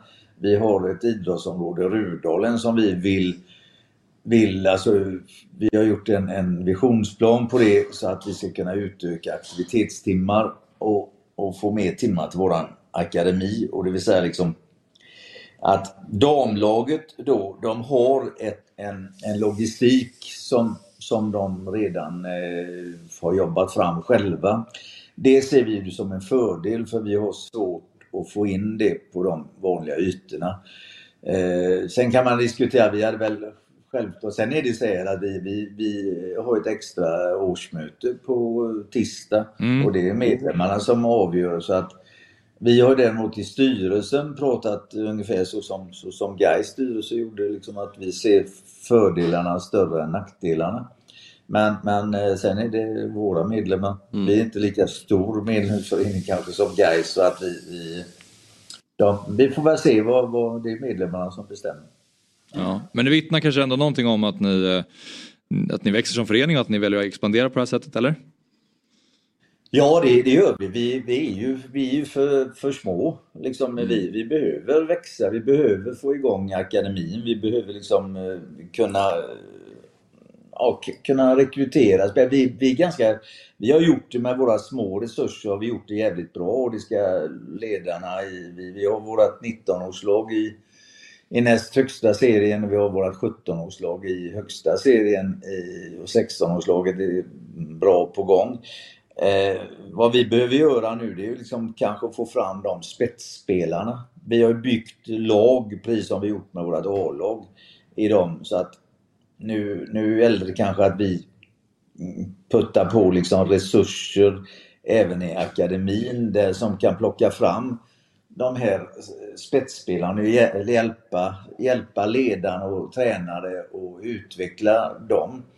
Eh, det har vi inte haft resurser till tidigare så att ja, det är det vi, den största förändringen vi gör och vi vill växa som förening. Det, mm. Ja. Mm. ja men eh, stort lycka till imorgon och på eh, måndag Ingmar. Tack så hemskt mycket. Tack för att jag fick vara med. Ja, tack själv. Lycka till. Ja. lycka till. Lycka till. Tack. Tja, tja. Tack. Ja, vad eh, har... Vi, skulle, vi ska strax prata, se om, eh, om eh, vår ÖIS profil Esaias Isak dyker upp här. Vi tänkte prata Örgryte också som vi ska försöka hålla sig kvar i Superettan. Men vad har du för tankar Fabbe om det här kvalet mellan Brommapojkarna och Utsikten? Mm, jag ser BP som ganska stora favoriter. Ja. Eh, jag, tror att, eh, men jag tror ändå att Utsikten kan med sitt, ja, men lite det här fula spelet eh, kunna störa BP. Men jag tycker ändå BP Är det så här brunkar de lite? Nej jag skulle inte säga brunka men de är väldigt... De är tuffa, fysiska. Det är på gränsen. Så är det. Ja, ligger ofta på gränsen. Har de någon stjärna som man tycker så här, wow, det han kan avgöra en match? De har ju många bra spelare som är bra. Jag tycker Albin Skoglund är väldigt bra. Eh, Till exempel, de har ju gamla Ivo Pekalski. eh, Ja, just det. Just Eh, Mukibi som var länge i Östersund har de också. Uh, Falsetas. Falsetas. Mm. ehm, Det hör vi ju, det finns ju många som kan avgöra. Ja men det var många som ändå vet vad en sån här match betyder. Uh, så de är Erik Westermark, lagkaptenen, också bra. Så de, de har många bra spelare. Uh, så det kan de, det kan de göra. Men jag ser ändå BP som... Kan, kan det eh, vara BP i fatet att äh, vi är nog bara en, en superettan-klubb egentligen. Vi ska nog inte vara, alltså den här historiken i dem, att de alltid har spelat där nere liksom. De är uppe och hälsar på lite ibland men Mm. att de inte är det här självklara allsvenska laget. Så kan det ju Det- vara. förstår du vad jag menar med den Ja, det, det förstår jag. Samtidigt tycker jag ändå att det sätt som de har hanterat allsvenskan i år har ändå varit på ett sätt som har varit mer av ett etablerat allsvenskt lag. Ja. Sen så trillar de ju ner på kvalplats precis i slutet men under våren så var de ju väldigt bra. De har spelat en väldigt bra fotboll Mm. och fått ihop det där väldigt väl. Så jag upplever ändå att de har inte kommit upp som det strykgäng alls som det var ju tippat att de skulle göra när de Jag såg upp. dem i första matchen, i Djurgårdens premiärmatch, Ja. när vi vann med 4-1 tror jag. De var fruktansvärt dåliga. Ja, Ja, då var kom de ju bra. ikapp och Naiva. spelade bra, Mm. naiva kanske. Men Mellberg, har han ett eh, kontrakt som går ut eller fortlöper efter vad som än händer? Vad tror ni? Ingen aning. De svarar då? ja, jag måste bara fundera först Ja. på vad Nej, man ska de här säga. eh, kval, kvalmatcherna, om vi återgår till dem lite grann. Jag tycker det är, jag är väldigt anti dem för att det är ju vi och tyskarna håller på med den här exercisen. Typ. Den är ju, alltså det är, det är så svårt, vi har under. Det finns väldigt procentuellt sett ovanligt att, att eh, Utsikten vinner. Ja, okej. Alltså budget, det, det går ju inte liksom. Det, när det händer en gång på tio så kommer man ihåg det. Men Ja. ja. glömmer bort att det, det, det här är inte fair för någon.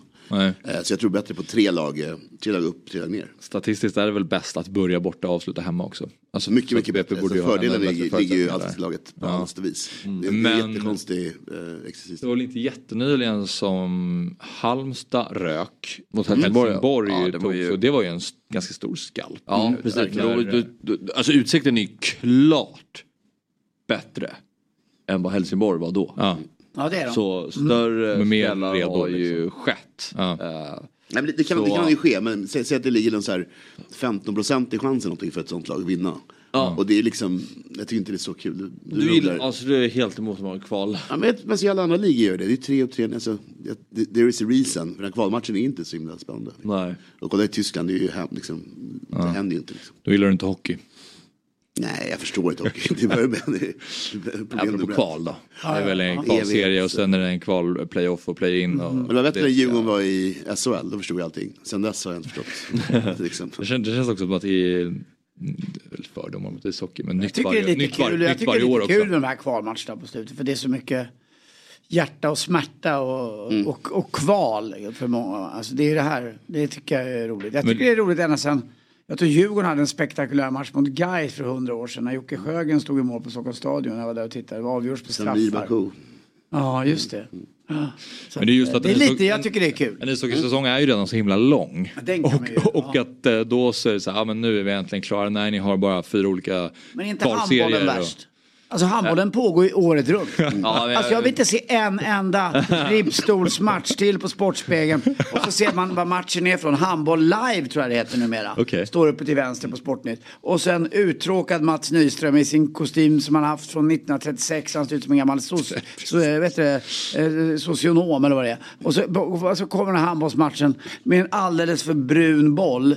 Där det, vet, den är så gammal den där bollen. Det ser ut att väga som en fotboll med efter en regnig kväll. Och så eh, ribbstolar. Det, de måste sluta med det på Sportnytt. Men tycker du inte att det är kul att titta på handboll alls? Inte ett endast dugg förutom när det var när G- Görkbörken och de spelade lite grann. Men Jag vet inte. Det var någon kille i, i Sverige som var jävligt bra. Stenhårda killen. Ola, någon Ivars... Vad hette han? Alltså ny, ny, ja, nu, nu. nu när vi var med, när han var varit vald till världens bästa handbollsspelare.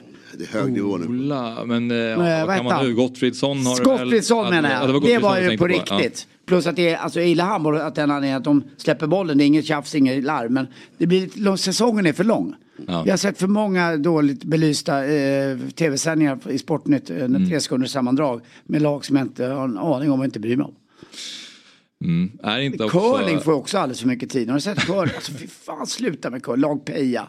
Men det var, jag tycker Peja inte... Lindholm. Jag har alltså, det aldrig... finns ju. Det, det räcker nu. Ja. Jag vill inte se mer curling. Håll till ute i Djursholm eh, i någon turisthall eller vad det är. Finns det sån där, kan, vad var det nu Ja, kallas? den, har- den har man varit. Ja, fy fan. Eller håll med mig mycket. Nej, men jag är med dig. Det var någon, det var någon, någon härva igår. Ja, alltså Sorry. Ja, det är alldeles för långt. Det är kul i OS. Jag är rädd för de där. När man tittar efteråt så är det punkter som man kan se.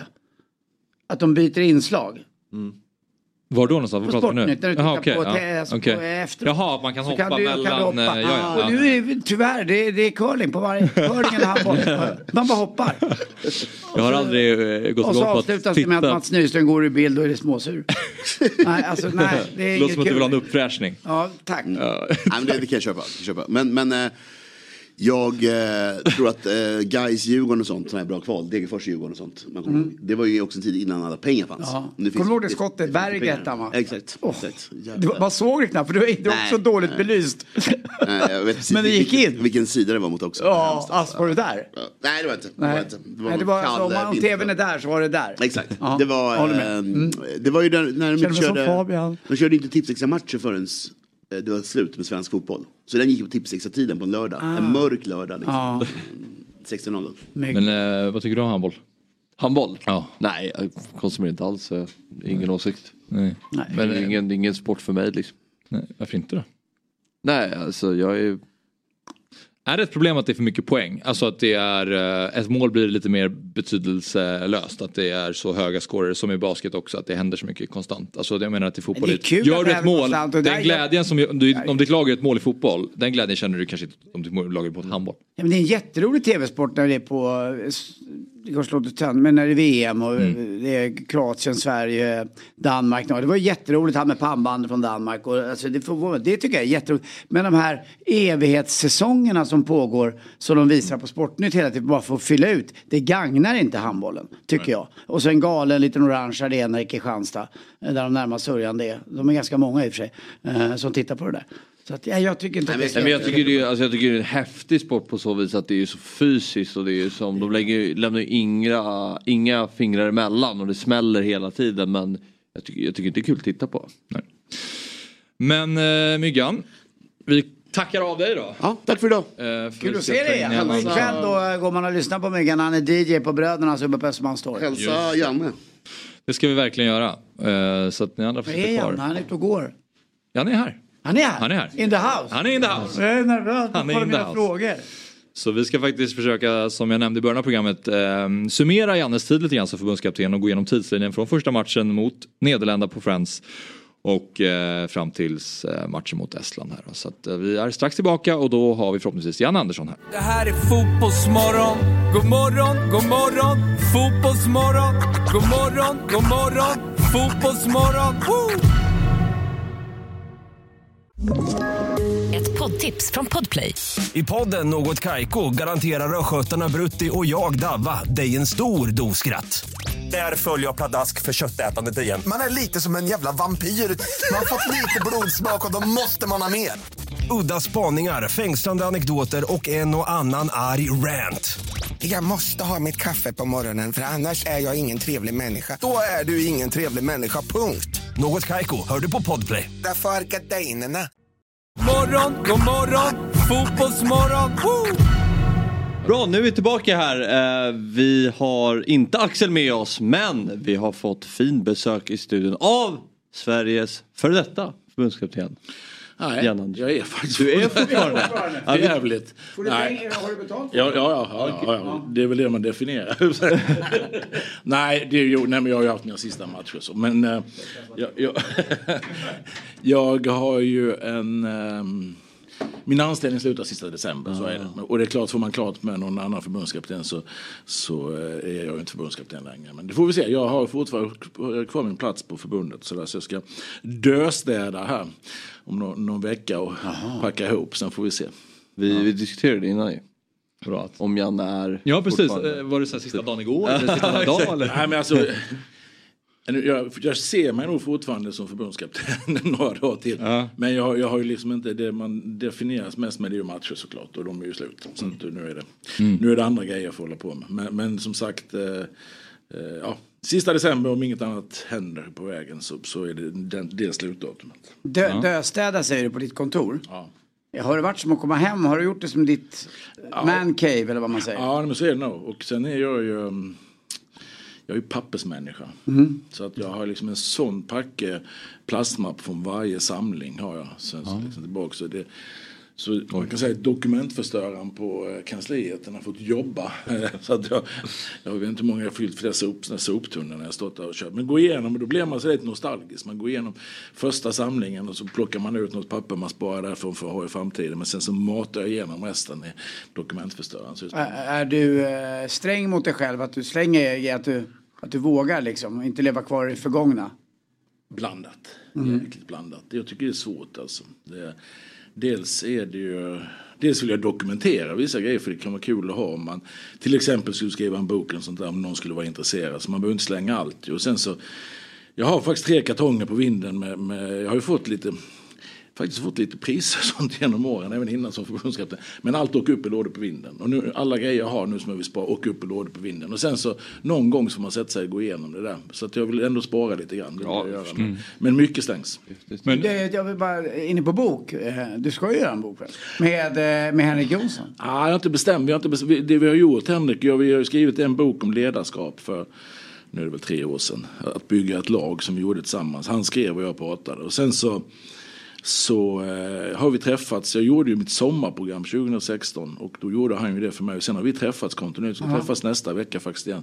Och jag har pratat av och reflekterat och sådär. Så att vi har ett digert material. Om det sen blir någonting av det, om det är någon som vill eh, hantera det eller inte, om vi har tid att göra det. Får vi se. Eh, Procentmässigt, hur delar man intäkterna då? Den, den som pratar och den som skriver? Ja, den som pratar får nog mer. Bra. Men Henrik, Henrik fick en slant också. Sen, sen bjöd ju han och Malin och Ulrika på en rejäl middag efter. Så att, eh, jag tror han var nöjd. Bra. Ja. Men nu, Janne, ehm, nu när du slutar då, du blev inte erbjuden någon kontraktsförlängning som förbundskapten. Jag vet inte om den här frågan har ställts till dig massa gånger, det kanske den har gjort. Men om du hade fått ett erbjudande att fortsätta, hade du velat fortsätta som förbundskapten? Alltså, det, som, det, det som är ganska skönt i hela det här att det blev så självklart att det blev som det blev. Därför att när vi skrev det här avtalet för tre och ett halvt år sedan, när vi förlängde, så sa vi ju redan då att missar VM-kvalet, liksom, då är man, inne på sitt fjärde. Missar man det eh, så är det rimligt att man avgår efter kvalet på hösten. Okej. Så, så den har liksom funnits med hela tiden. Hade vi tagit oss till EM, då, kanske det varit en annan diskussion. Men, men nu blev det ganska självklart. Och för mig blev det då väldigt odramatiskt också. För egentligen för alla inblandade som visste om det här. Och Mm. därför också varit väldigt tydlig med det. Men, men det är klart att hade vi tagit oss till EM, gjort ett kanon-EM, då hade det varit en annan sak. Men nu gjorde vi inte det. Hur tror du att du kommer, hur tror du, du kommer känna som människa nu när du inte är förbundskapten? Det är jättevemodigt, det är det, för jag trivs så jäkla bra i jobbet och trivs med mina kollegor och med spelarna. Så, där, så att det är ju vemodigt. Samtidigt är det ju, jag har sagt det några gånger nu, som ni har säkert hört det, men jag, jag, jag har ju varit länge på alla ställen jag har varit. Jag var sex år i Laholms FK på 90-talet, sen var jag totalt 21 år i Halmstad bollklubb. De sista sex åren som chefstränare, åtta år som assisterande innan. Jag har flest allsvenska matcher som chefstränare i Halmstad. Jag har flest allsvenska matcher som tränare i Norrköping och jag har flest landskamper som förbundskapten. Jag har varit väldigt länge på alla ställen jag varit. Ja, och det är faktiskt, det är ju någonting i den här världen, och det vet ni ju själva ni som följer, tre matcher så får man sparken. Liksom. Så att Jag har varit väldigt länge och det, känner, det är någonting jag är väldigt stolt över. Men det, det är också att på varje ställe jag har varit så har jag liksom närmat nej, nu börjar det närma sig, nu, nu bara sak har sin tid. Och detsamma känner jag nu liksom att Vemodigt, ja. Kommer sakna många grejer. Men samtidigt, det, det är dags nu. Det är dags liksom. Jag, jag, jag, Men, eh, flest landskamper i Sverige? Är det så? Som ensam förbundskapten. Ah, okej. Lasse Lagerbäck som när de har delat har ju fler. Men som ensam så har jag ju 94 nu då. Åby Eriksson har 91. Bara att gå om Åby. Bara en sån sak. Ja det är stort. Det är stort. Och På presskonferensen igår, då såg det ut lite grann som att du, du var som en öppen tratt. Att jag tar emot jag- styrelseuppdrag. Ja, ja. Jag kan bli förbundskapten Ja, ja, utomlands. ja, ja, ja, det, det ja, var, ja, ja, ja. du inte, men vem, vem rådfrågar? För har du inte någon, har du en, har du, du som har pratat om agent ibland, har du en agent? Nej, jag har ingen agent. Är det Henrik Jonsson? Ja, Henrik, Henrik är bra. Det, får, det, det hoppas du inte. Nej, det hoppas jag inte. Nej, men så, så här är det att jag har ju, eftersom jag själv suttit både i Halmstad och Norrköping, både arbetsgivare och arbetstagarsidan. Eh, och i Norrköping så drev jag ju liksom, skulle jag ha en ny spelare så identifierar jag vem är det, jag scoutar honom, jag tog kontakt med agenten, jag skötte hela förhandlingen och jag skrev ut avtalet och skickade till Svenska Fotbollförbundet. Så jag har gått igenom hela processen och det innebär att jag när jag har förhandlat i Sverige och när jag liksom uppdrag, jag har inte behövt ha något sånt och hålla på med det. Utan det, det har liksom, folk har hört av sig och så har vi löst det. Men ska jag utomlands så må, då blir det annorlunda för det kan jag inte. Det, det måste jag liksom täcka upp med kompetens som jag själv inte har. Men jag har in- ingen, jag har inte en som jobbar konkret för mig. Däremot har jag ju ett jäkla kontaktnät så det är många som har hört av sig. Sådär. Och nu har jag ju sagt att jag vill göra klart med förbundet allting. Jag vill klart med landskamper. Allting ska jag sköta snyggt och prydligt och sen så kan jag börja titta. Så nu ska jag börja fundera lite. Men inte Färöarna va? Nej, alltså eh, kanske, det är ju Håkan Eriksson redan. Ja, jag menar, Så det ja, finns ja, det, det finns de har det. de har Men det. du, vi, lite högre vill vi ha dig. Nja, ja, nej, men alltså, jag, jag har ju trivts fantastiskt bra som förbundskapten och pratar man då Färöarna så tror jag till exempel att Håkan, jag tror inte han är där så jättemycket utan han jobbar nog väldigt mycket hemifrån. Det är ju det som är friheten i en förbundskap. Man jobbar väldigt mycket men man kan ju själv bestämma vad man är. Ah. Jag, jag har faktiskt fått erbjudanden från något afrikanskt land här för några år sedan. Men, det, så här, liksom, jag, men, men då sa de ju till mig att eh, du kan ju bo i Stockholm liksom. Det är ju inga problem. Nej. Sen så åker du ut i Europa och tittar på spelare och sen är du där några månader om året. Och det, det, det är ju liksom, det låter ju inte helt fel. Drömmen. Ja, det, är- nej, men det är en bra grej. Man jobbar ju ändå men du kan styra. Det är ju det som är en stor skillnad med klubblag. Mm. Jag vet ju både Halmstad och Norrköping, jag var, jag var ju liksom på plats varenda jäkla dag. Det var julafton man missade. Men annars var man där varje dag. Mm. Och det, det, För det hör man ju för, från folk som har jobbat som förbundskapten att det, det är mycket slit och hårt arbete däremellan såklart mellan samlingarna. Eh, Men om du jämför det med ett klubblag skulle du säga att det är lika intensivt? För man ser ju framför sig att det ändå måste vara lättare att kunna bara säga men nu det är två månader till nästa samling. Ja. jag kan nog ta det ganska lugnt idag. Nej men det, det är väl som alla andra jobb att man lär man sig i början så då, då är man inte lugn liksom. Men efterhand när man har hittat ett förhållningssätt till saker och ting så blir man ju lugnare. Men jag brukar säga att som allsvensk tränare och, då, och jag var ju manager i Norrköping så då var jag både sportchef och tränare. Det är inte så många som är det. Man har oftast en av varje. Så det, det var rätt slitigt alltså. Det var det. Men då var man på en anspänningsnivå här hela tiden. Men nu med förbundslandslaget så har det liksom varit här uppe när det varit samlingar. Men däremellan så är det faktiskt ganska lugnt. Det åker runt och pratar med er och sådana och det är bara roligt. Så det, det, och sen att man följer spelarna. Det är klart, har jag varit tre gånger i, i Manchester träffat Victor Nilsson Lindelöf så behöver jag inte åka en fjärde gång. Liksom. Och jag behöver inte se alla matcher han spelar för jag vet hur bra och så vidare. När, när du kommit in i det så får du en annan kontroll på det Ja, sättet. Så utifrån det perspektivet så, så är det väl lugnare så. Men total arbetstidsmässigt tror jag det är ungefär detsamma. Det tror jag. Ja. Men tanken eh, idag här är ju att vi ska gå igenom eh, ja, din tid i landslaget lite grann. Tidslinjen. Börja från första matchen mot, mot Holland och sen så ta oss hela vägen till Estland. Jag vet inte hur vi ska hinna det. Men vi har gjort några nedslag. Men, vi ja, men vi, vi pratar mycket om det som var i början. Jag kommer prata som fan om det. Vi har strukit över oss det senaste året helt och Ja, hållet. Nej men eh, för du hade ju en liten miniquiz igår, presskonferens, presskonferensen Mm. skulle man kunna säga, när du frågade journalisterna lite statistik då kring din eh, period i landslaget. Så då har vi tänkt att vi förberett några frågor och se hur bra koll du har på eh, Ja men det är bra. Nej, men det, det, för det viktiga med den för mig var ju, ska man summera sju och ett halvt år. Fotboll är så jäkla mycket känslor. Och ibland måste man liksom zooma ut och se det ur ett lite större perspektiv. Va? Jag fattar ju att när vi förlorar matcher att folk blir jättebesvikna. Jag är den mest besvikna där. Nu har vi faktiskt inte sista året sen tar man sen september förra året så har vi har vi vunnit nio eller något sånt, kryssat en och förlorat fyra. Så vi har faktiskt vunnit en del matcher men vi har vunnit fel matcher. Det har varit för svajigt liksom. Men då blir det lätt att det är det som präglar. Nu är, det bra, nu är allting dåligt. Samtidigt som man vinner några matcher, då är allting så jäkla bra. Så därför var det viktigt för mig att zooma ut. Och sen var det lite roligt att sitta med journalisterna. Så det var ju inte för, det var för liksom få en delaktighet. Det var ju bra. Ja. pratar om känslor. Var det nära att du slogs när Västtyskland, eller Tyskland, när Västtyskland Nej, nej, nej, nej, för fan. Var det nära Nej, nej, när nej, när, när, Att de- det- att- när när de retar er? Nej, nej, absolut inte. Så det, handgemäng skulle jag aldrig ge mig in i. Däremot var jag fruktansvärt arg. Ja, det är synd. För det var, det var så jäkla otrevligt och Ja, det osympatiskt. tycker jag med. Så Och jag hade önskat att nästan att det Ja. var ett, ett, ett Nej. fälleben. Ja, nej. Nej, ja, hade de sprungit så hade de nog jagat Ja, dem. Men, nej då, nej men det ska jag inte säga utan det, det var absolut inte så långt. Men det var, ni vet ju själva, känslor, slutet och så ges, och jag förstår, jag har fortfarande inte förstått varför. Vad, vad fan skulle de håna oss för? Nej, det är- Ja, men, nej, men det, det enda som jag har sagt efter det är, den var snygg. Ja, Visst. det är jäkla snygg. Nej, men det enda som har retat mig efter, eller som jag funderat på, det, eller sådär, liksom, det var ju att vi, vi drog ner tempot jäkligt mycket i matchen. Sådär. Vi ma- försökte maska bort lite till maska för att liksom, de var ju så jäkla mycket bättre än oss i grunden. Men, men, men det, som jag sa efter, det har väl alla lag mot gjort Tyskland liksom, i 50 år. Alltså, så det borde de ju inte vara så irriterade. Men det är det enda, jag kan titta, ja, vi kör. Ja. Hur, länge, hur lång tid ska vi hålla på? Ja, hur, hur länge får vi ha det här? Nej, men jag ska, på nästa ska jag vara i TV4 sen. Jag varit på- Fyra är väl inget? och sen har jag varit på, jag har varit på SVT också. Okej. jag, jag har lagt in allt idag men, men, nej, men eh, vi har, Vi- vi, vi- vi, har vi. Vi fick en halvtimme med dig. Ja, eh, ja, men det, jag, jag vill vi, kör, mer. vi, Men... vi kör mer. Ja, nice. Vi- du, får, du får säga till. När du måste springa så får du ja, springa. Det är de tråkiga frågorna kommer. Exakt, nu måste jag gå. Men du, eh, första matchen mot Nederländerna. Kan du sätta startelvan? Kan jag definitivt. Ja, Robin Olsson i mål, så var det Micke Lustig, Victor Nilsson Lindlöf, Andreas Granqvist, Oskar Wendt. Sen så till höger på mittfältet hade Marcus Rodén, centralt spelade Oskar Hiljemark och Alexander Fransson och vänsterfältare var Emil Forsberg. Forwards var Marcus Berg och John Guidetti. Helt rätt. Var John Guidetti med i din första elva? Modigt. Ja, alltså, modigt. Då var man het va? Men, eh, Ja, men jag den- tycker, ja, det känns så idag i alla fall. den eh, här sjunde, alltså eh, har du tänkt på den här starten nyligen eller har Ja, det är rätt bara? spännande.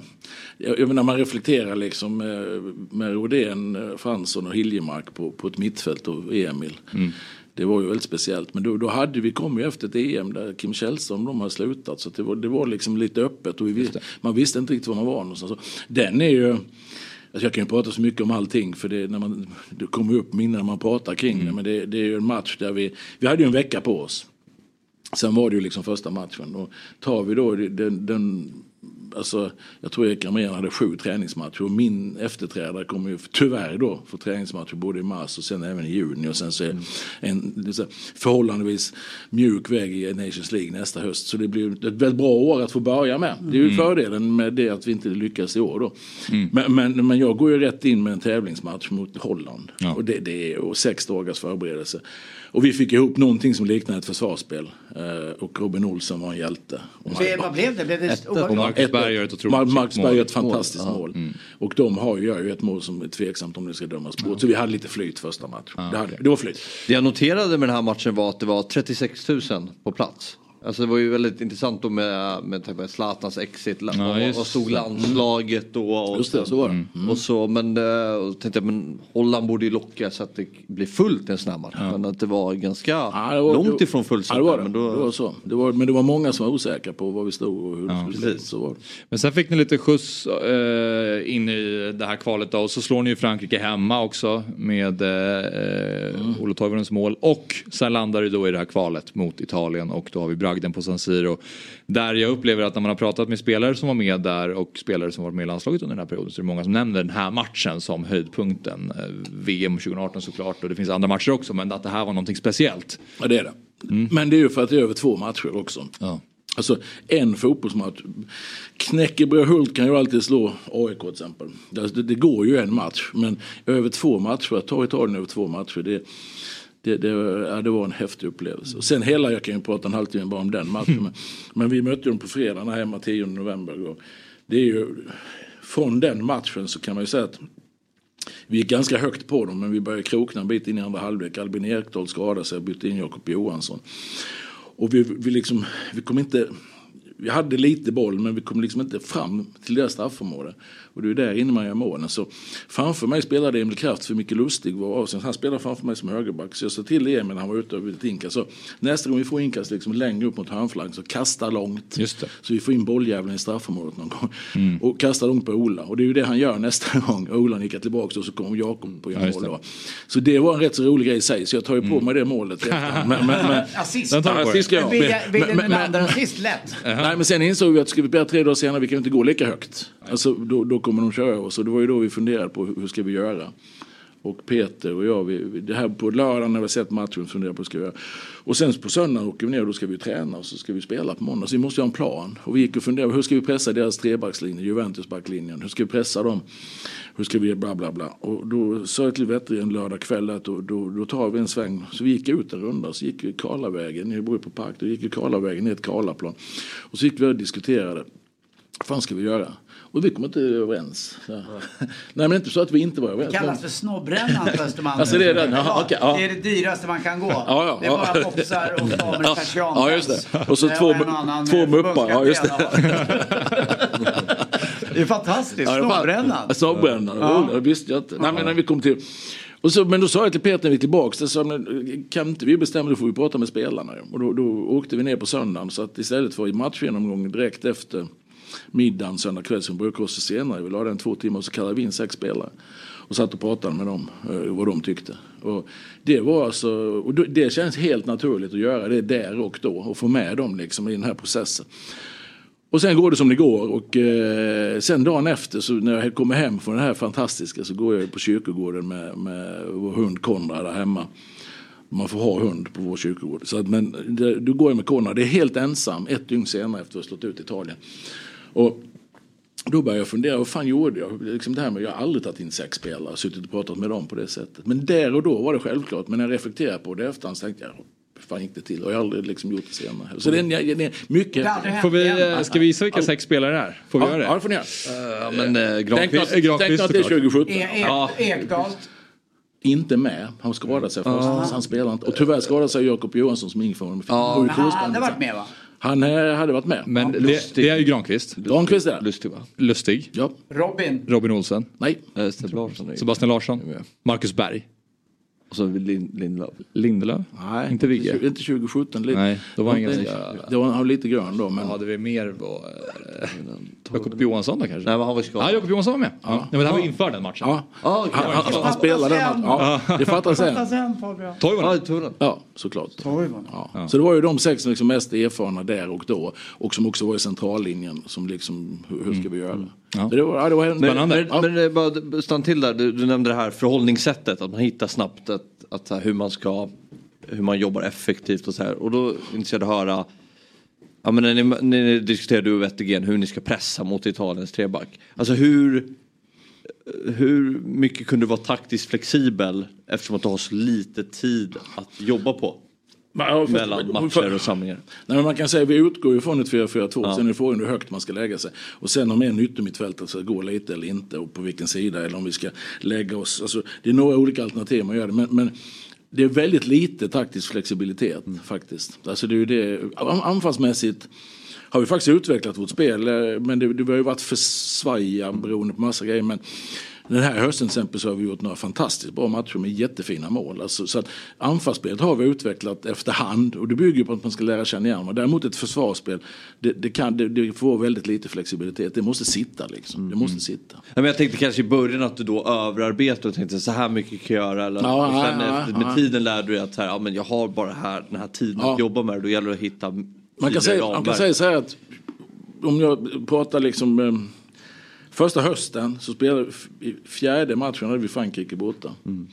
Och det är en fantastisk match i sig ju. Men, men där förlorade vi med 2-1. Där, där, efter den matchen så kände jag att jag brukar säga att för att vinna, eh, eller för att få självförtroende så behöver du vinna matcher.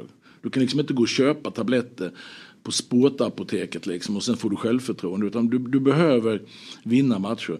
Men en av de få gånger jag varit med och fått självförtroende av en förlust så var det mot Frankrike borta. Vi förlorade med 2-1 men gör en jättebra match. Och jag tror att där kände både jag och Wettergren att fan vi, vi har lite koll på det här nu. Liksom. Det tog den hösten, tredje samlingen, att då kände, började vi bli lugna. Killarna är med oss. Jag tror spelarna kände också att eh, de här gubbarna vet ungefär vad de håller på med. Då på något sätt landade jag. Men det tog en höst just kring de här grejerna då. Och det här är ju ett år senare vi pratar Det Italien. är mycket att hantera. Era egna förväntningar, spelarnas förväntningar och även Mm. media. Det är också en eh, komponent som är väldigt viktig. Ja men så är det och nu, det kan vi prata länge om. Men bristen på förståelse ibland för problematiken kring det här med skador och sånt som vi kommer till sen. Den, den har jag upplevt som lite besvärande. Men Lagerbäck, han var ju extremt tuff när han var förbundskapten. Han tyckte att alla journalister var jobbiga och ställde fel Ja, frågor. ja. Då sitter han själv och får deg av Viasat och är expert eh, och tycker, att, och tycker och tänker. Kommer du komma hamna där också? Kan vi säga så här att eh, osvuret är alltid bäst i alla sammanhang men det ligger inte högst upp på listan. Men det, det jag skulle kunna tänka mig, det sa jag på presskonferensen igår med, det jag skulle kunna tänka mig det är att kommentera en match. Jaha. För det är en helt annan grej. Ja, okej. För då sitter man ju och talar om vad man ser. Alltså det är ju intressant liksom, att analysera det live, vad som händer på plan. För mig har ju annars det här med, alltså, pratar inte namn och så, men, men, men det, med landslaget det utifrån det vi pratade om innan, det är en total överanalys. En total överanalys. Alltså vi är borta från varandra tre månader, ibland så tränar vi två dagar. Och sen ska man stå och snacka upp en match i två timmar, snacka en timme efter om saker och ting som inte... Man, man, det blir ju, till slut blir det bara bla bla bla bla bla och så hittar man, försöker man hitta grejer som inte finns. Total överanalys. Åh vad kul att höra tycker jag. Men, ja, men det är det. För Men, det, blir ju... men då, jag måste bara fråga dig Känner ni att ni där. fick en känga själv här? då? Nej, nej, nej, nej, nej, nej, men- nej, men om- om- nej, men om- nej, men allvar, nej, men om du pratar klubblag då. Jag, menar, jag följer ju Halmstad.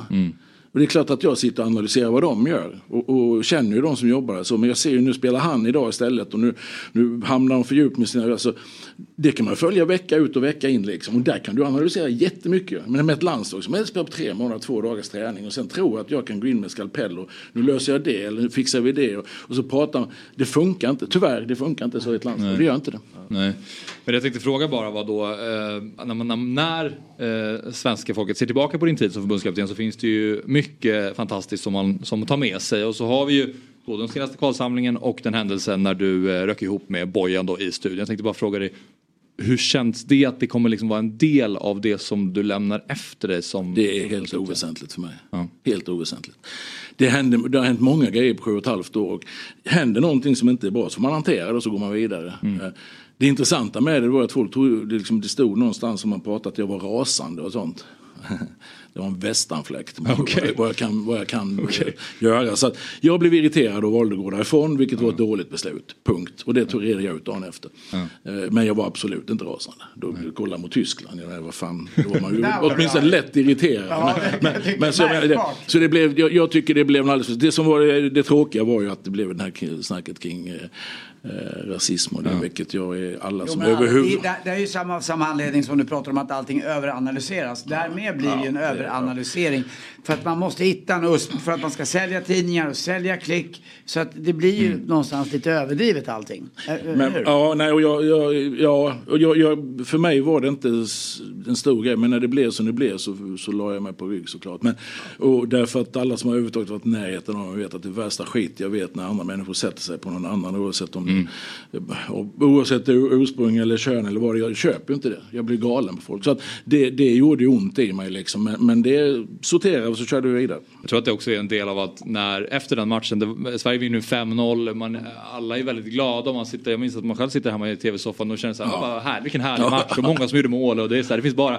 Och, och, och då blev det en sån chock när det blev den stämningen i studion från att det var att man kände så här, gud vad allting är Det var väl också härligt. Bojans roll att vara sån. Ja, ja absolut. Nej, men jag säger bara att det kanske är därför som, som det har land, att det, folk har det som, som ett så starkt minne. För folk beskrev det ju där då som tv-historia, att det, för att det var så starkt. Och den här tidslinjen är jävligt lång, vi måste skynda på. Jag vet, men det, det, vi fastnar ju överallt här. Ja, ja. Men, eh, Det är bra, vi kör. Jag, jag har den, tid. den, den quizfråga som jag skulle ställa till i alla fall angående bragder på San Siro, som visserligen inte skedde på San Siro, men på Friends. Vilken minut var det som Jakob Johansson gjorde det här målet? Skulle kunna säga att det är någonstans 63, 65. Det är bra gissning. Vet du? Nej, jag, jag, jag hade sett att det var första halvlek. 61. Ja, Jaha, ja, nej, det- ja, men jag, vi, 61 är rätt. Det är 61. Ja, det var ju bara en chansning. sittandes med mobilen i handen. Ja, det, Första. nej, nej, jag googlade det. Det var ju bara, eftersom inte 63 eller 65 var rätt. Men det var, ändå, det var ju på rätt. Men du, du har rätt eh, i det Anders, att tidslinjen är lång och vi måste vidare här. Ja. Och sen har vi VM 2018 eh, såklart som eh, vi tar oss långt och åker ut mot, mot England och vi får bara skutta förbi det här. Ja men bitter eftersmak. Ja. Vad är bittert? Jag, var, jag antar att de syftar på eh, uttåget mot Ukraina. Ja, ja men ursäkta mig. Jag såg EU 2020, jag tänkte på VM. Ja, jag trodde vi var på VM nu. Men, Förlåt, då var jag två gånger i Ryssland och tittade live. Både mot eh, Sydkorea och även när vi slog Schweiz då. Alltså, det är vilket... Jag var så stolt. Ja, det, är så efter, ja, nej, det, den är, det, det är bittert. Det, det är väl den jag känner fortfarande då att den hade vi den matchen. Fan, ursäkta uttrycket. Men vi hade ju vi hade en ribba, en stolpe, sen hade vi tre jättebra lägen utöver det liksom. Att avgöra matchen och sen så blir det förlängning och så Mackans olyckliga utvisning och sen så det där så- målet utsekunder. Ah, det jävlades det med. Och så för att spela om den så hade vi många gånger vunnit den. Det är jag helt övertygad om. Så det var bittert och då, då hade vi fått, vi hade fått England igen i kvarten. Och då, Jaha. I Rom och då hade vi tagit dem jäklar. Ja, lätt. Just det. Nej, men, eh, precis, du har ju rätt att vi, jag var på VM 2018 där och där är det England och sen så är det Ukraina 2020 som spelades 2021. Då. Och här någonstans är väl då landslaget pikar under Janne under de här två mästerskapen eller vad, vad säger du själv? Eh, ja, nej, det är ju det, alltså gå till mästerskapen det är ju det roligaste att få representera Sverige. Och jag, jag drog ju den igår, jag drar den ändå när man tittar tillbaka och inte släppa. Att För mig var ju, ni som såg presskonferensen, gjorde ni det också men det kanske inte alla gjorde som ser det här. Men för, mig, för mig var det det här att vi mötte Tyskland, det var ju liksom det största. Det var, det var så jäkla stort alltså. Jag som är född och uppvuxen, eller upp, inte född, jag uppvuxen på 70-talet med, med Tyskland, gamla Västtyskland och det här som var så jäkla bra på den tiden. Man kan nästan, ja, jag ska inte säga kan hela deras lag, men många spelare på den tiden sådär. Och så var det lottningen då 1 december 2017 i Kreml. Med Putin närvarande, vilket i sig var intressant. Och sen och då fick jag reda på att vi skulle möta Tyskland på midsommardagen den 23 juni nästa år. Och varje dag från den 1 december. Jag. Och hat, bland, så här, du vet, det är både bägge delarna. Lite, lite skräck. Det är Men som att också, gå på en dejt man kanske inte är mogen för. Ja, ungefär. ungefär. Men då, då, jag, så bara tänkte, ska jag, eh, liksom en halvtaskig fotbollsspelare från Halmstad, leda Sverige i ett VM mot Tyskland? Det, det, det, det, alltså, som match sett så var det det största för mig. På det sättet. Det var, det var, och det måste jag bara säga, för det var häftigt alltså. Men här 2018 och eh, 2020, Sverige vinner gruppen i båda, båda mästerskapen och tar sig vidare. Vilket, vilket uttåg tycker du är surast? Är det mot Ukraina? Ja det är det absolut. Alltså England var också sådär att i efterhand så säger man att ja, de var bättre. Ja, det är de. Alltså mål sätter ju fotbollsmatcher som jag säger. Men Pickford blir ju man of the match, Fifas, med tre jättebra räddningar. Så att med lite, lite så hade vi kunnat ta dem. Men de var bättre än oss över 90 minuter. Men det, så var det. Han har en helt otrolig räddning. Ja. På, är det Claessons skjuter? Han är nere på... Och så han en på, och så han en på Mackan. Ja, Ja, det är- ja, och så är, ja. Mackan Är det inte en onödig hörna också tycker jag? Jo det är det. Som vi släpper till. Pickford blev väl man of the match då? Ja, han blev man Ja, ja, ja, ja, för fan. Ja, ja. Du, men, det, hörna, som det blev mål på, det, Ja, det det. det behövde inte gått ut i hörnan. Nej, och sen lustigt? Nej. jag kommer inte ihåg vem det var, men den är onödig. Och sen, sen deras jävla uppställning med, med Maguire. Och och då är, det är faktiskt, jag ska inte säga vem, men det är en spelare hos oss som går bort sig tyvärr. Utifrån vad jag sagt. Som, som, som, och då kommer han, ja det är fan alltså. Det. Högst spekulativ fråga. Eh, nu flyttades ju Europamästerskapet fram ett år på grund av pandemin. Hade ni haft bättre förutsättningar 2020 än 2021? Jag har aldrig ens tänkt på det. Jag vet faktiskt inte.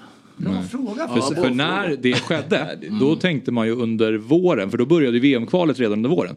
Eh, alltså 2021. och då tänkte man ju att eh, då kanske Zlatan hakar på till det här mästerskapet. just det. och han är med under de eh, matcherna där på Friends eh, mot Georgien när det inte är några, någon publik och sådär.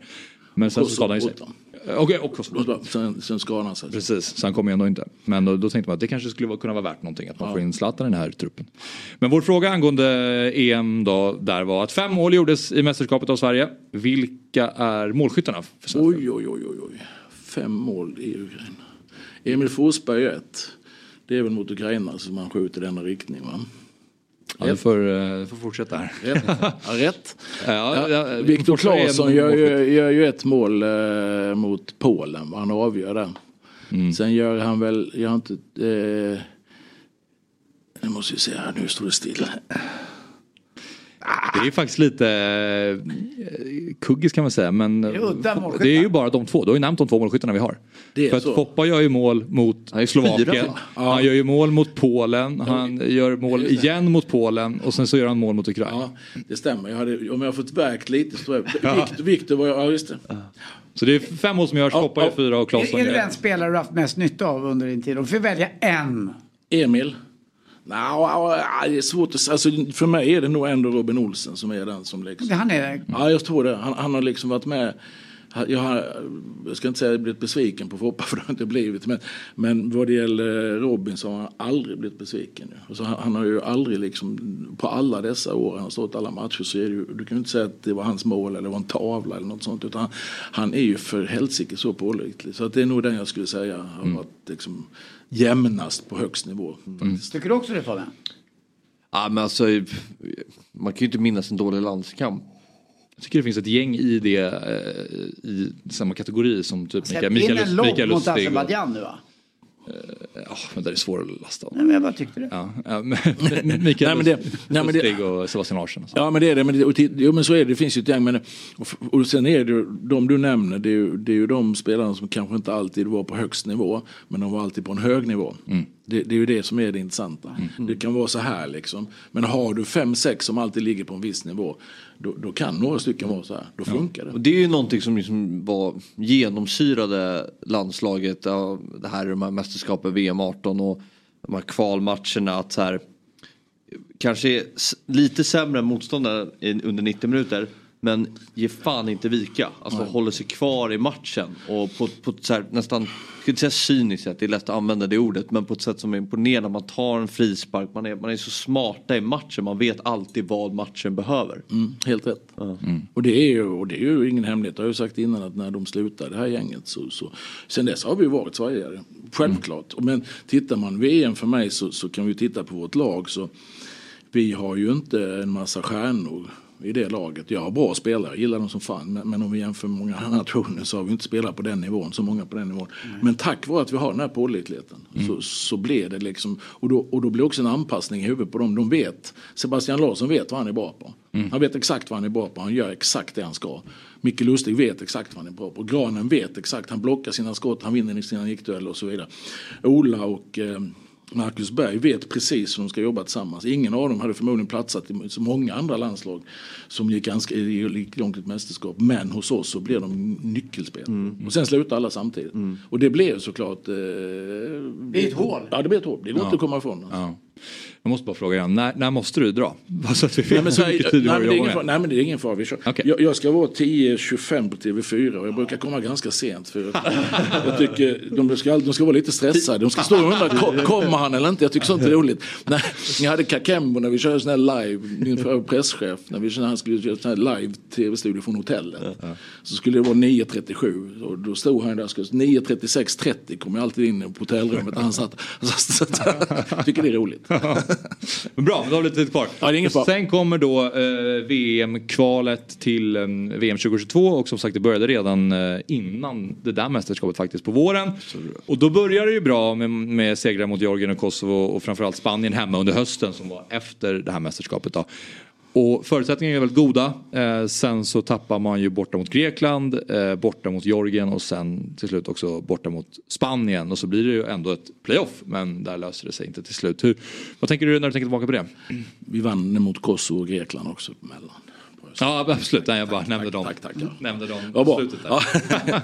Nej men tittar man tillbaks på det så, så eh, alltså Grekland borta det är ju ingen lätt fotbollsmatch. Alltså, det, det är inte så självklart man ska slå dem. Det som hände efter det var ju att vi blev så här som jag sa.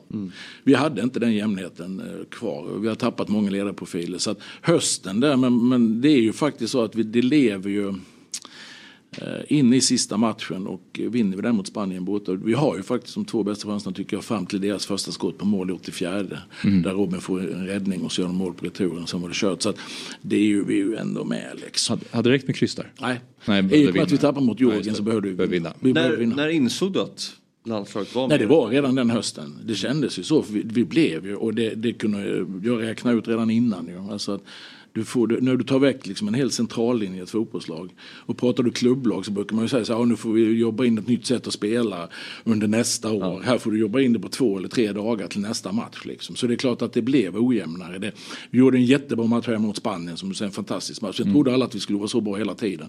Det är ju det problemet i den här världen blir när du gör för bra grejer för då blir förväntningarna för höga. eh, Hade vi börjat sämre mot Spanien så, så var det logiskt så hade förväntningarna tryckts ner för då alla tänkte ja just det nu har det hänt det här men nu var vi för bra. Men var, var det inte ditt jobb också ändå, eh, trots att du hade bara de här två, tre dagarna som förberedelse, att, att jobba in en ny kugge i det här centrallinjen. Att du, eh, var du inte, visste du inte någonstans i bakhuvudet eh, att de här, om de här drar så är jag, då blir det så här? Ja, det jag gjorde var att prata konkret med, med Victor Lindelöf, Albin Ekdal och Robin Olsen och Emil Forsberg. De fyra som jag kände var de som skulle ta över. Och det försökte de nog göra. Problematiken var att Albin blev lite skadad. Och, eh, ja, det, det, blev, det, blev, det blev lite ojämnt. Men det, och sen tar det också ett tag. Har du som Victor Lindelöf spelat i ett landslag där du har Micke Lustig höger om dig så har du framför dig Sebastian Larsson, vänster om dig så har Andreas Granqvist som styr och ställer och du kommer in i det. Det är ganska skönt. Sen helt plötsligt idag så ska du själv vara den Ja. som ska styra och ställa och det, det gör man bara inte så här. Det, det, och så är det nya spelare runt omkring. Och så, så för mig är det inte så konstigt att, att det blev lite ojämnare. Sen hade jag hoppats att det kunnat vara jämnare men det blev ojämnare. Så att ja, det, det var... Jag tänker så här, vilka krav ställde det på dig då som förbundskapten att känna att ens lag inte är detsamma som det var tidigare? Det är två delar i det här. Jag har ju, jag har ju en grundregel, det är att jag skyddar ju alltid mina spelare. Därför har ni aldrig hört mig säga någonting negativt om spelarna i något sammanhang oavsett vad som har hänt. Utan det tar jag i så fall. Så utåt måste jag hålla uppe, för jag kan ju inte säga att här ser jag att det här ser jobbigt ut. Jag kan resonera kring det för att försöka få folk att förstå att det är som det här med skador sen som vi kommer till. Så, alltså, det måste man prata om och resonera lite kring. Men det handlar ju inte om att jag pekar ut att våra spelare är för dåliga eller att de missar. Och det, det är ju en jätteviktig del, för tror inte jag på dem och tror på vad vi ska göra, så vem fan ska då göra det? Jag ska ju stå längst fram och peka ut riktningen. Liksom. Så det har varit jätteviktigt för mig. Och därför kunde jag inte heller belysa det här kanske så mycket som... Jag, jag hoppas ju ibland att folk som då analyserar och som framförallt själva har varit i branschen förstår att det här är en problematik. Liksom. Det här är inte lika självklart att det ska vara lika eh, bra som tidigare. Men nu menar jag inte att landslaget är sämre eller bättre utan mer Nej, så att nej, men- karaktären ja, på landslaget ja, kan- ja. kanske har ändrats här. Ja men det blir det. Ja, men det, blir det. det med, med att man byter ut spelare så ändras ju ett lag. Det, vi- det kan vi, och, och skillnaden med ett landslag blir ju att, ja, igen då, jag följer mina gamla lag. Jag vet, eh, liksom, du kommer som ny tränare då i Norrköping, jag tror jag Rickard Norling, och så tränar han januari, februari, mars. Och så börjar allsvenskan i april och så har de någon match i mitten på april. Då har de spelat kanske 20 matcher och 100 träningar. Och då säger någon sån där expert att ja, ja, nu börjar man se ungefär hur Norrköping kommer spela i år. Ja. Det har jag nog inte haft under hela min förbundskapten så mycket till. Så att, det- och det, det visar hur svårt det är att liksom, det, det, du får begräns, du får, alltså jag det, det handlar det. så oerhört mycket om i vilken kvalitet och vilken form spelarna är innan de kommer Där ser ni. det, det går inte att göra någonting åt vad som händer mellan samlingar. Jag kan inte göra skit. Jag kan tycka att mina spelare, jag kan tycka att Jens Skrius ska spela varje match i Italien nu. Men det får han inte göra. Och när han kommer så är han ju i det skicket han är, vilket är helt okej. ju. Men han har spelat alla matcher. Hade alla spelare gjort det, då hade det varit en helt annan grej när de kom in. Och det, det är punkt slut, så är det alltså. Men hur mycket har du värderat det där då? Det är ju, ständig snackis. eh, Speltid kontra kanske grundkvalitet i en spelare. Hur har, du, hur har du värderat det? Jag har värderat det så här att vi, vi har inte så många spelare som är på högsta nivå där ute. Utan de bör vi ha med ett landslag. Är de bara inte skadade så är de åtminstone i hyfsad fysisk form och då kan vi tillsammans bygga någon form av gruppsjälvförtroende och på så sätt få det att funka. Men jag vet ju, när Tommy och Lasse var förbundskapten så fanns det en period när man sa att ah, spelar man inte sina klubblag kan man inte vara med i landslaget. För de hade så många att välja på. Men, men det, jag har ju inte haft så många spelare på den nivån att välja. Men vad som är lika i alla fall, det måste vara att alla förbundskaptener drabbas av det här dilemmat att man inte har så lång, lång tid på sig för samlingar. Det är inte bara unikt för Sverige. Nej, nej, nej, nej, nej. Det gäller ju hela... Så är det. Det gäller för Ja. alla. Mm. Skillnad, skillnaden blir ju då om man, som vi hade under fjolåret tills vi kommer sen när vi spelar sju matcher i rad med sju olika mittbackspar. När du inte ens får den kontinuiteten. Där- Tittar du mina första år så spelar ju Micke, Vigge, Granen, Ludde i princip alla matcher med Robin bakom. Går du då till ett år när du har sju matcher i rad med olika mittbackspar och dessutom får byta i matcherna för att de skadar sig. Det är klart att det är en jäkla skillnad. Men då, då tänker jag att ledarskap är en väldigt viktig del just som förbundskapten. För att du har så pass lite tid. Så du kanske inte hinner sätta taktiken 100% så som du vill spela och alla har inte speltid. Men du måste få alla att göra samma saker och du måste få dem att vilja göra det som du säger. Hur mycket upplever du att det har varit en stor del av, av det som förbundskapten? Det har varit mycket. Och jag upplever också att på 94 landskamper så kan jag väl, om, om jag tvingas till att nämna några stycken där jag inte tycker spelarna har ställt upp det på 100 procent. Men i princip så har de ställt upp alltid. Vi har haft fantastisk stämning och en lojalitet mot hur vi ska spela som totalt sett från spelarnas sida som har, det har varit så jäkla roligt. Alltså. Det, är bara kolla på, det finns ju ändå sådana exempel. Så här, Frankrike 2010 som har ett hjärtstjärnfyllt lag men det var ju kaos i det här laget och ingen ville väl eh, lyda efter under Raymond Domenech som var tränare då till exempel och så Mm. gick de inte vidare från gruppen till exempel. Nej men eh, den delen jag fastnade mest för under presskonferensen igår det var ju lite det här eh, snacket om det du säger nu att vi inte får tillräckligt många spelare ute i Europa. Och eh, jag menar, landslaget är ju någonstans en produkt av vad som händer all, där un, under. Och du säger din uppgift är att förvalta det vi har. Eh, och nu har det ju varit en väldig debatt i, i Sverige om att ja, men vi får inte vi har inte tillräckligt många spelare ute i Europa, det är planbrist, alltså det är kris i svensk fotboll. Du som går runt på kontoret i förbundet och så här, hur, hur, är det en tillräckligt tydlig linje vart Sverige ska gå när det kommer till att utveckla svensk fotboll? Det fanns ju, det, frågan togs upp lite grann igår på presskonferensen. Och det, alltså för mig är det så att jag blir på något sätt, för det var väl Simon Bank som sa det, det blir liksom förbundskaptenen som blir den som på något sätt ska prata utveckling då. Va? Och det ska jag ju inte göra. Jag ska ju vinna fotbollsmatcher med mitt landslag. Det är min uppgift. Så att jag känner väl att någonstans så borde det, vi borde hjälpas åt mer i svensk fotboll. Och det är ingen kritik mot de som sitter nu. Jag ska, tänker inte prata skit på, om något sånt. Jag bara konstaterar att lyfter vi blicken lite. Vi behöver hjälpas åt. Jag tog ett exempel där liksom när jag vann guld med Norrköping och sen ingen i Norrköping hade nästan varit med om att spela internationellt. Och då hörde de av sig kring arrangemang, hur det funkar. Du vet en sån här pärm med förhållningsregler från, från Uefa så det är helt sjukt till Malmö som hade varit där flera gånger och fick åka ner och Malmö tog välkomna dem, tog emot dem och hjälps åt. Sen när Malmö och Norrköping möts så ska de ju slå- ihjäl varandra höll på att. Det är en annan sak. Men vi måste hjälpas åt och därför ska jag idag faktiskt på tränarkonferens med allsvenska och superettan-tränaren. Vi börjar vid lunch och så kör vi till morgonlunch. Och det är andra året vi gör det nu. Innan dess höll det uppe. När jag var allsvensk tränare så hade vi det varje år i princip. Och vi måste liksom delge varandra grejer. Man bollar vi må, ja, bollar, ja. Match är det match. Så är det match. annars Annars, det- ja. ja. Och den prestigelösheten som, som jag har haft och har i de sammanhangen. Jag bjuder på allt liksom. Om jag kan bjuda på den. Och sen suger jag inte med fan allt jag kan få. Men vi måste, vi är ett litet fotbollsland. Vi måste hjälpas åt om vi ska lyckas där ute. Och jag, men jag Vi måste återgå till tidslinjen. Ja, men, ja, jag vet, men alltså hur högt prioriterade är fotbollsfrågor på förbundet? För jag kan ju någonstans bli så himla irriterad när det kommer in en ny ordförande i Reinfeldt och det är liksom det enda man läser om i media, jag förstår att det är ett medialt värde, det är att det ska pratas om VAR. Hela tiden. VAR, VAR, VAR. Ja, VAR, ja. Alltså hur är det så att fotbollsfrågor är inte tillräckligt prioriterade?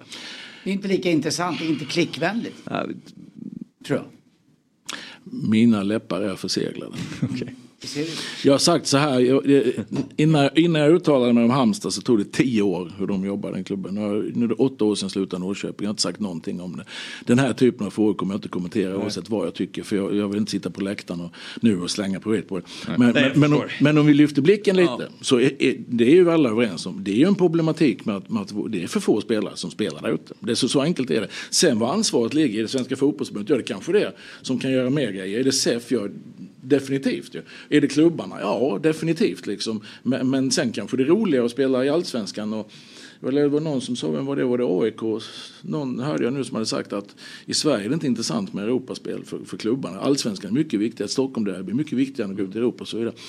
Allsvenskan som produkt har ju blivit för jäkla rolig. Man har lyckats marknadsmässigt, man har väl appar, skit, du sitter och trycker på under matchen och så. Utom att det är avbrott. Men, men man har ju fått ett intresse. Men den sportsliga delen har ju inte fokuserats lika mycket i svensk fotboll upplever jag de sista tio åren. Det, det är mitt intryck, men då pratar jag totalt. Då riktar det inte mot någon enskild. Nej, jag förstår att inte gör det. Totalt. Förstår, men- totalt. Får jag bara fråga, jag börjar undra, hur blev du bästis med Zlatan efter era intermezzon? Eh, kan- Gjorde, ringde du eller? Nej, det, ja, det som hände, den tar Ja, det- Vi- det- vi, vi är där nu. Ja, vi är är där. ungefär, så det funkar ju. Det går bra. Zlatan hade åsikter om att du inte tog ut vissa spelare. Ja, just det. Och så Ja, ja. vart han arg. Han, han, han hade ju det uttalandet som gjorde mig jätteledsen och besviken. Utifrån vet jag inte samma. om det stämmer eller inte. Men hur Nej. gjorde du det för att närma dig Zlatan? Nej, men han, han sa ju detta offentligt eh, någon gång att jag inte tagit ut spelare med invandrarbakgrund. Och det gjorde mig ju extremt ledsen och besviken utifrån den personen, det ledarskapet jag har ju. Annars höll han ju på med lite andra grejer som jag tyckte var rätt så roliga. Så där. Han antydde att jag borde ringa eller så här. Min inställning var ju hela tiden att säger man nej till landslaget har man sagt nej. Jag har aldrig försökt övertala honom för det krävs så mycket att vara med i ett landslag. Men du är under luppen i klubblaget jättemycket och sen kommer ett landslagsbreak. Kan du andas lite och återhämta dig med familjen. Så Då ska du iväg och så blir du ännu mer under uppen. Har du gjort det ett antal år och du känner att nu funkar det inte längre. Då, då, det, då ska jag inte försöka övertala honom. Du ska ha det 100% inifrån. Och det var vad han sa till mig när han slutade 2016. Men sen gick ju de här åren och han höll på med lite grejer. Så jag fick, den vanligaste frågan jag fick om jag skulle ringa Zlatan. sa nej, jag kommer inte ringa någon spelare som har sagt nej till ett landslag utifrån det här perspektivet. kommer jag inte ringa och försöka övertala. Som jag inte gjort med någon annan. Och sen äh, sa han ju när han fick Guldbollen 20, 20 va? Fick han Guldbollen och var nere i Italien och lämnade under pandemin. Att i den intervjun så säger han att han är sugen på landslaget igen. Mm. Och då, eh, då sa jag till Håkan Sjöstrand som hade varit med och lämnat Guldbollen. Då, då åker vi ner, så dagen efter satte jag mig på ett flyg med Håkan och jag åkte rätt ner. Träffade honom på ett hotell. Vi gick in och satte oss och eh, Håkan fick gå ut. Det var, det var mellan fyra ögon och sen så pratade vi i två timmar. Aha. Och då städade vi det som vi behövde städa men vi fann varandra väldigt, väldigt snabbt. Pratade gamla minnen och matcher som han kommer ihåg. En makalös jäkel. Kommer ihåg matcher på Örjansvall 99 och så. Alltså, Nej, ja. Och, och jag kan säga där och då så vi, vi fann varandra så här utifrån och då sa jag till honom, det viktiga för mig nu det blir att det, vi, det som har varit innan, det skiter vi i nu. Och mm. Nu kör vi framåt och så, så, testar vi det här. Så åkte jag ner en gång till en lista på 20 punkter där jag gick igenom. Hur, så här fungerar det i landslaget idag. Så här ser det ut på hotellet, så här bla bla bla. Och vem skjuter straffarna och bla bla bla. Ja, klart. Köper det, kommer hem och är med och säger 100 procent. Mm. Det är så det, han är, eh, det är ett sånt superproffs. Alltså det, det är... Janne fast spelare. Ja, tack. Nej, men jag, och det, jag är så glad för det. Samtidigt, jag, jag, han har ju själv sagt nu att han är ledsen liksom, eller han sa han ju då innan med att, att han var borta de här åren för han hade velat komma tillbaka lite tidigare. Men återigen, det, det var hans beslut ju. Men, men eh, jag, jag, jag, är så glad för att jag fick lära känna den Zlatan och jag är så glad för eh, han har lärt mig så, så mycket kring så här va. Ja, han skickade en fin hälsning. Jag ska faktiskt ringa och prata med honom nu om lite grejer. Så. Jag hälsar från Fotbollsmorgon. Ja, hälsa från Fotbollsmorgon. vi saknar honom här. Eh, Pioli hänger ju lite löst. Ja, det är det vi, vi ska ta. Fan vad synd att han missade EM. Zlatan där. Ja, det var synd. Ah, han var så ledsen när han ringde och berättade. Alltså, det var så tråkigt. Ja, det förstår jag. Men eh, vår quizfråga är här om Zlatan. Då. Och mm. den blir inte så bra nu när jag ser den där bilden. Frågan är vilket nummer han hade i sin comeback. han hade nummer 11. det hade han. Och det visste det ser jag. också där. Han, eh, Emil ville ju ge honom 10 men det ville han inte. Den hade Emil haft sen han slutade så den ska han behålla med. Apropå storheten som person. Så var det För om han hade gjort mål under den här äh, samlingen då blev ju aldrig några mål från honom i sin Nej. comeback. Då hade han ju blivit den äldsta målskytten någonsin i det svenska landslaget. Det är ju Gunnar Gren fortsatt då. Men han är den äldsta spelaren som har representerat Ja, så är det. Och den äldste målskytten i allsvenskan kommer bli nästa år. Vem då? Genom tiderna. Han är Halmstad va?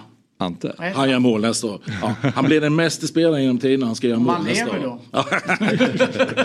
Ja, nej, men det var det. Det var så Zlatan sa faktiskt så till mig när jag var nere i november. Nästa samling var inte förrän mars. Jag vet inte om jag lever i mars. Vi får, vi får liksom se om jag är kvar då Men ja, nu är vi framme vid då, typ idag då, för efter eh, den här comebacken det blev inget eh, VM och sen började då EM-kvalet för, ja, i, i, år, i mars mot Belgien där första matchen. Och, mm. ähm... Alltså så, om, för nu, klockan går ju. Ja. Och nu är inte det att jag vill komma undan. Men om vi tittar på det, det, som, händer, det som händer egentligen början på fjolåret 2022. Ja.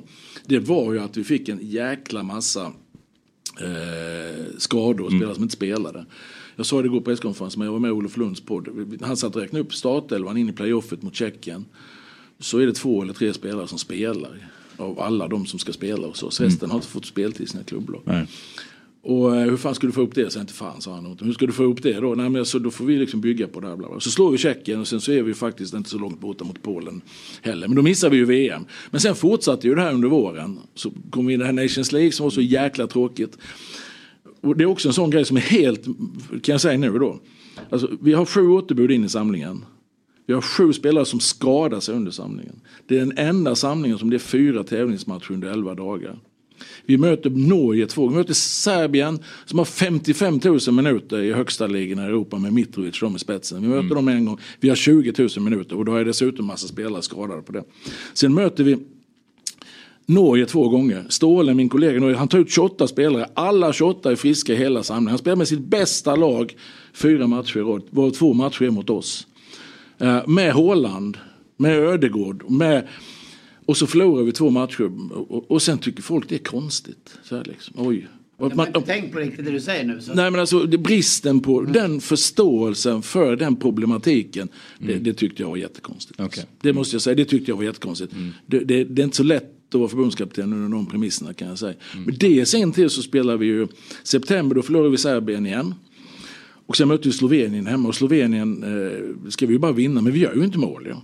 Vi slog Slovenien på våren. Nu vet jag inte hur det gick med Slovenien i den här samlingen för jag har inte orkat läsa någonting. Men de ledde ju sin kvalgrupp in i sista nu samlingen. Ja, de, alltså det, så det var ju inget skit men, men vi gjorde ju inte mål på dem. Det i sin tur gjorde ju då att Tack vare att Uefa kör den här Nations League som jag har varit kritisk mot från början. Att man går bara i rankingen in i lottningen på Nations League. Vilket jag tycker är åt helvete. Därför det, då kan det ju hända nog på fyra matcher. Du, alltså, på så tid.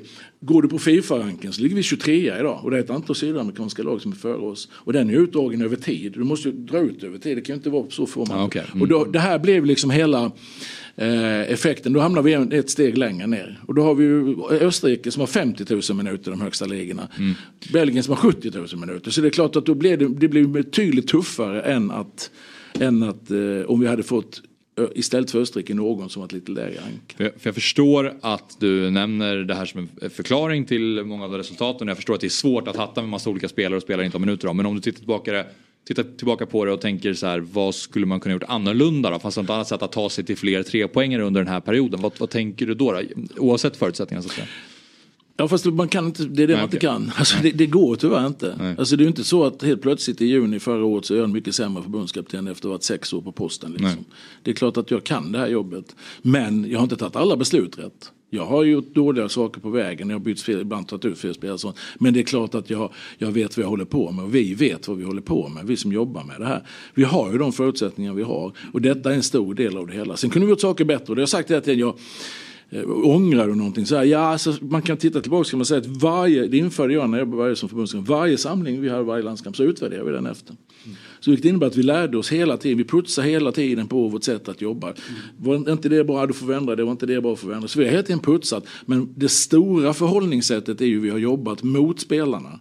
Det, det ångrar ingenting. Det stora. Sen finns det massa beslut i det här på vägen sånt, som man kan ha gjort annorlunda. Och jag, jag har inga problem med att säga att det var inte allt, allt har inte varit hundra. Men, men det, den, helheten, angreppssättet, förhållningssättet. Det, det hade jag inte ändrat ett skit om jag hade fått börja om. Alltså det kan jag säga. Nej. Det var väl Nations League där, det var också när ni ändrade lite grundformation också, de fyra matcherna.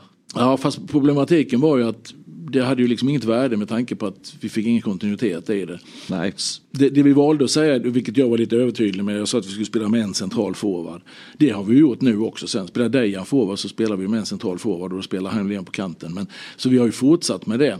Ehm, även om jag inte sagt det lika uttalat. Men det jag sa det var ju att vi ska försöka anpassa spelet efter de, hur spelarna spelar i sina klubblag.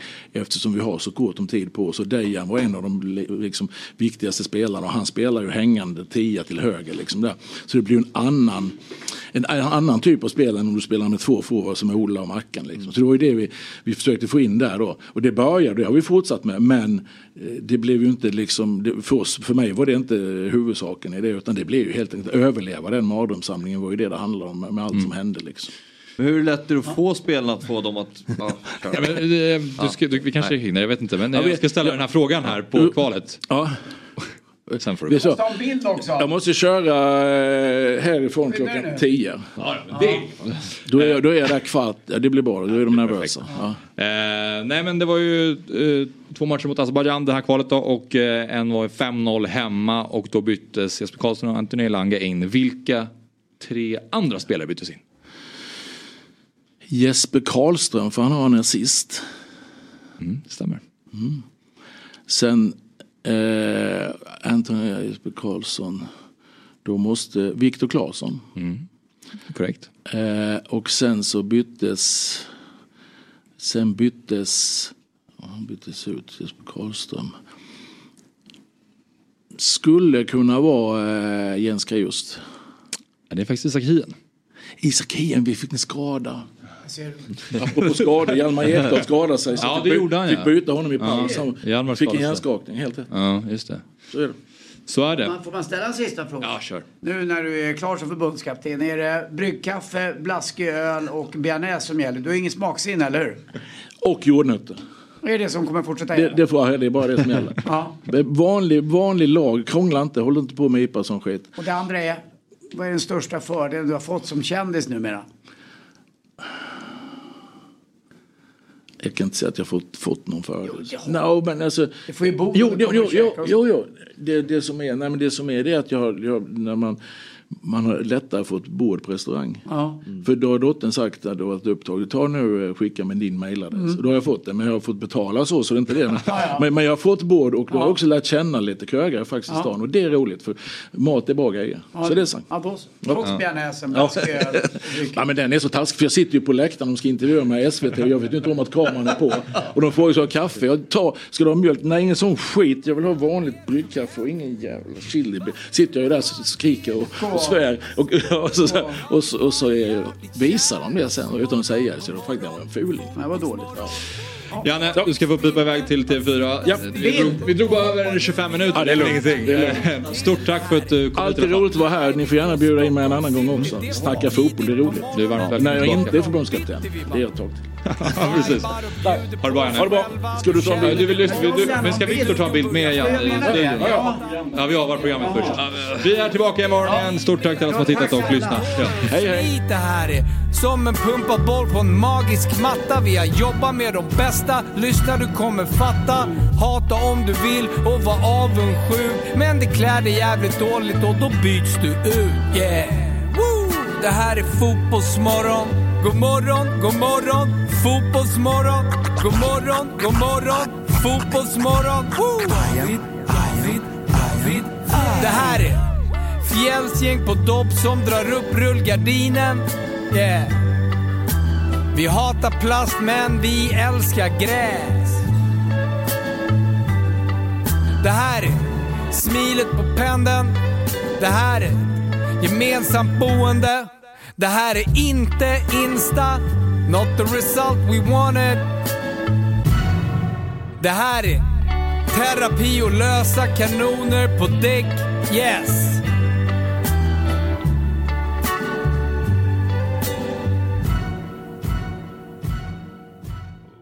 you poddtips från Podplay. I podden Något Kaiko garanterar östgötarna Brutti och jag, Davva, dig en stor dos skratt. Där följer jag pladask för köttätandet igen. Man är lite som en jävla vampyr. Man har fått lite blodsmak och då måste man ha mer. Udda spaningar, fängslande anekdoter och en och annan arg rant. Jag måste ha mitt kaffe på morgonen för annars är jag ingen trevlig människa. Då är du ingen trevlig människa, punkt. Något Kaiko, hör du på Podplay. Därför arkadeinerna.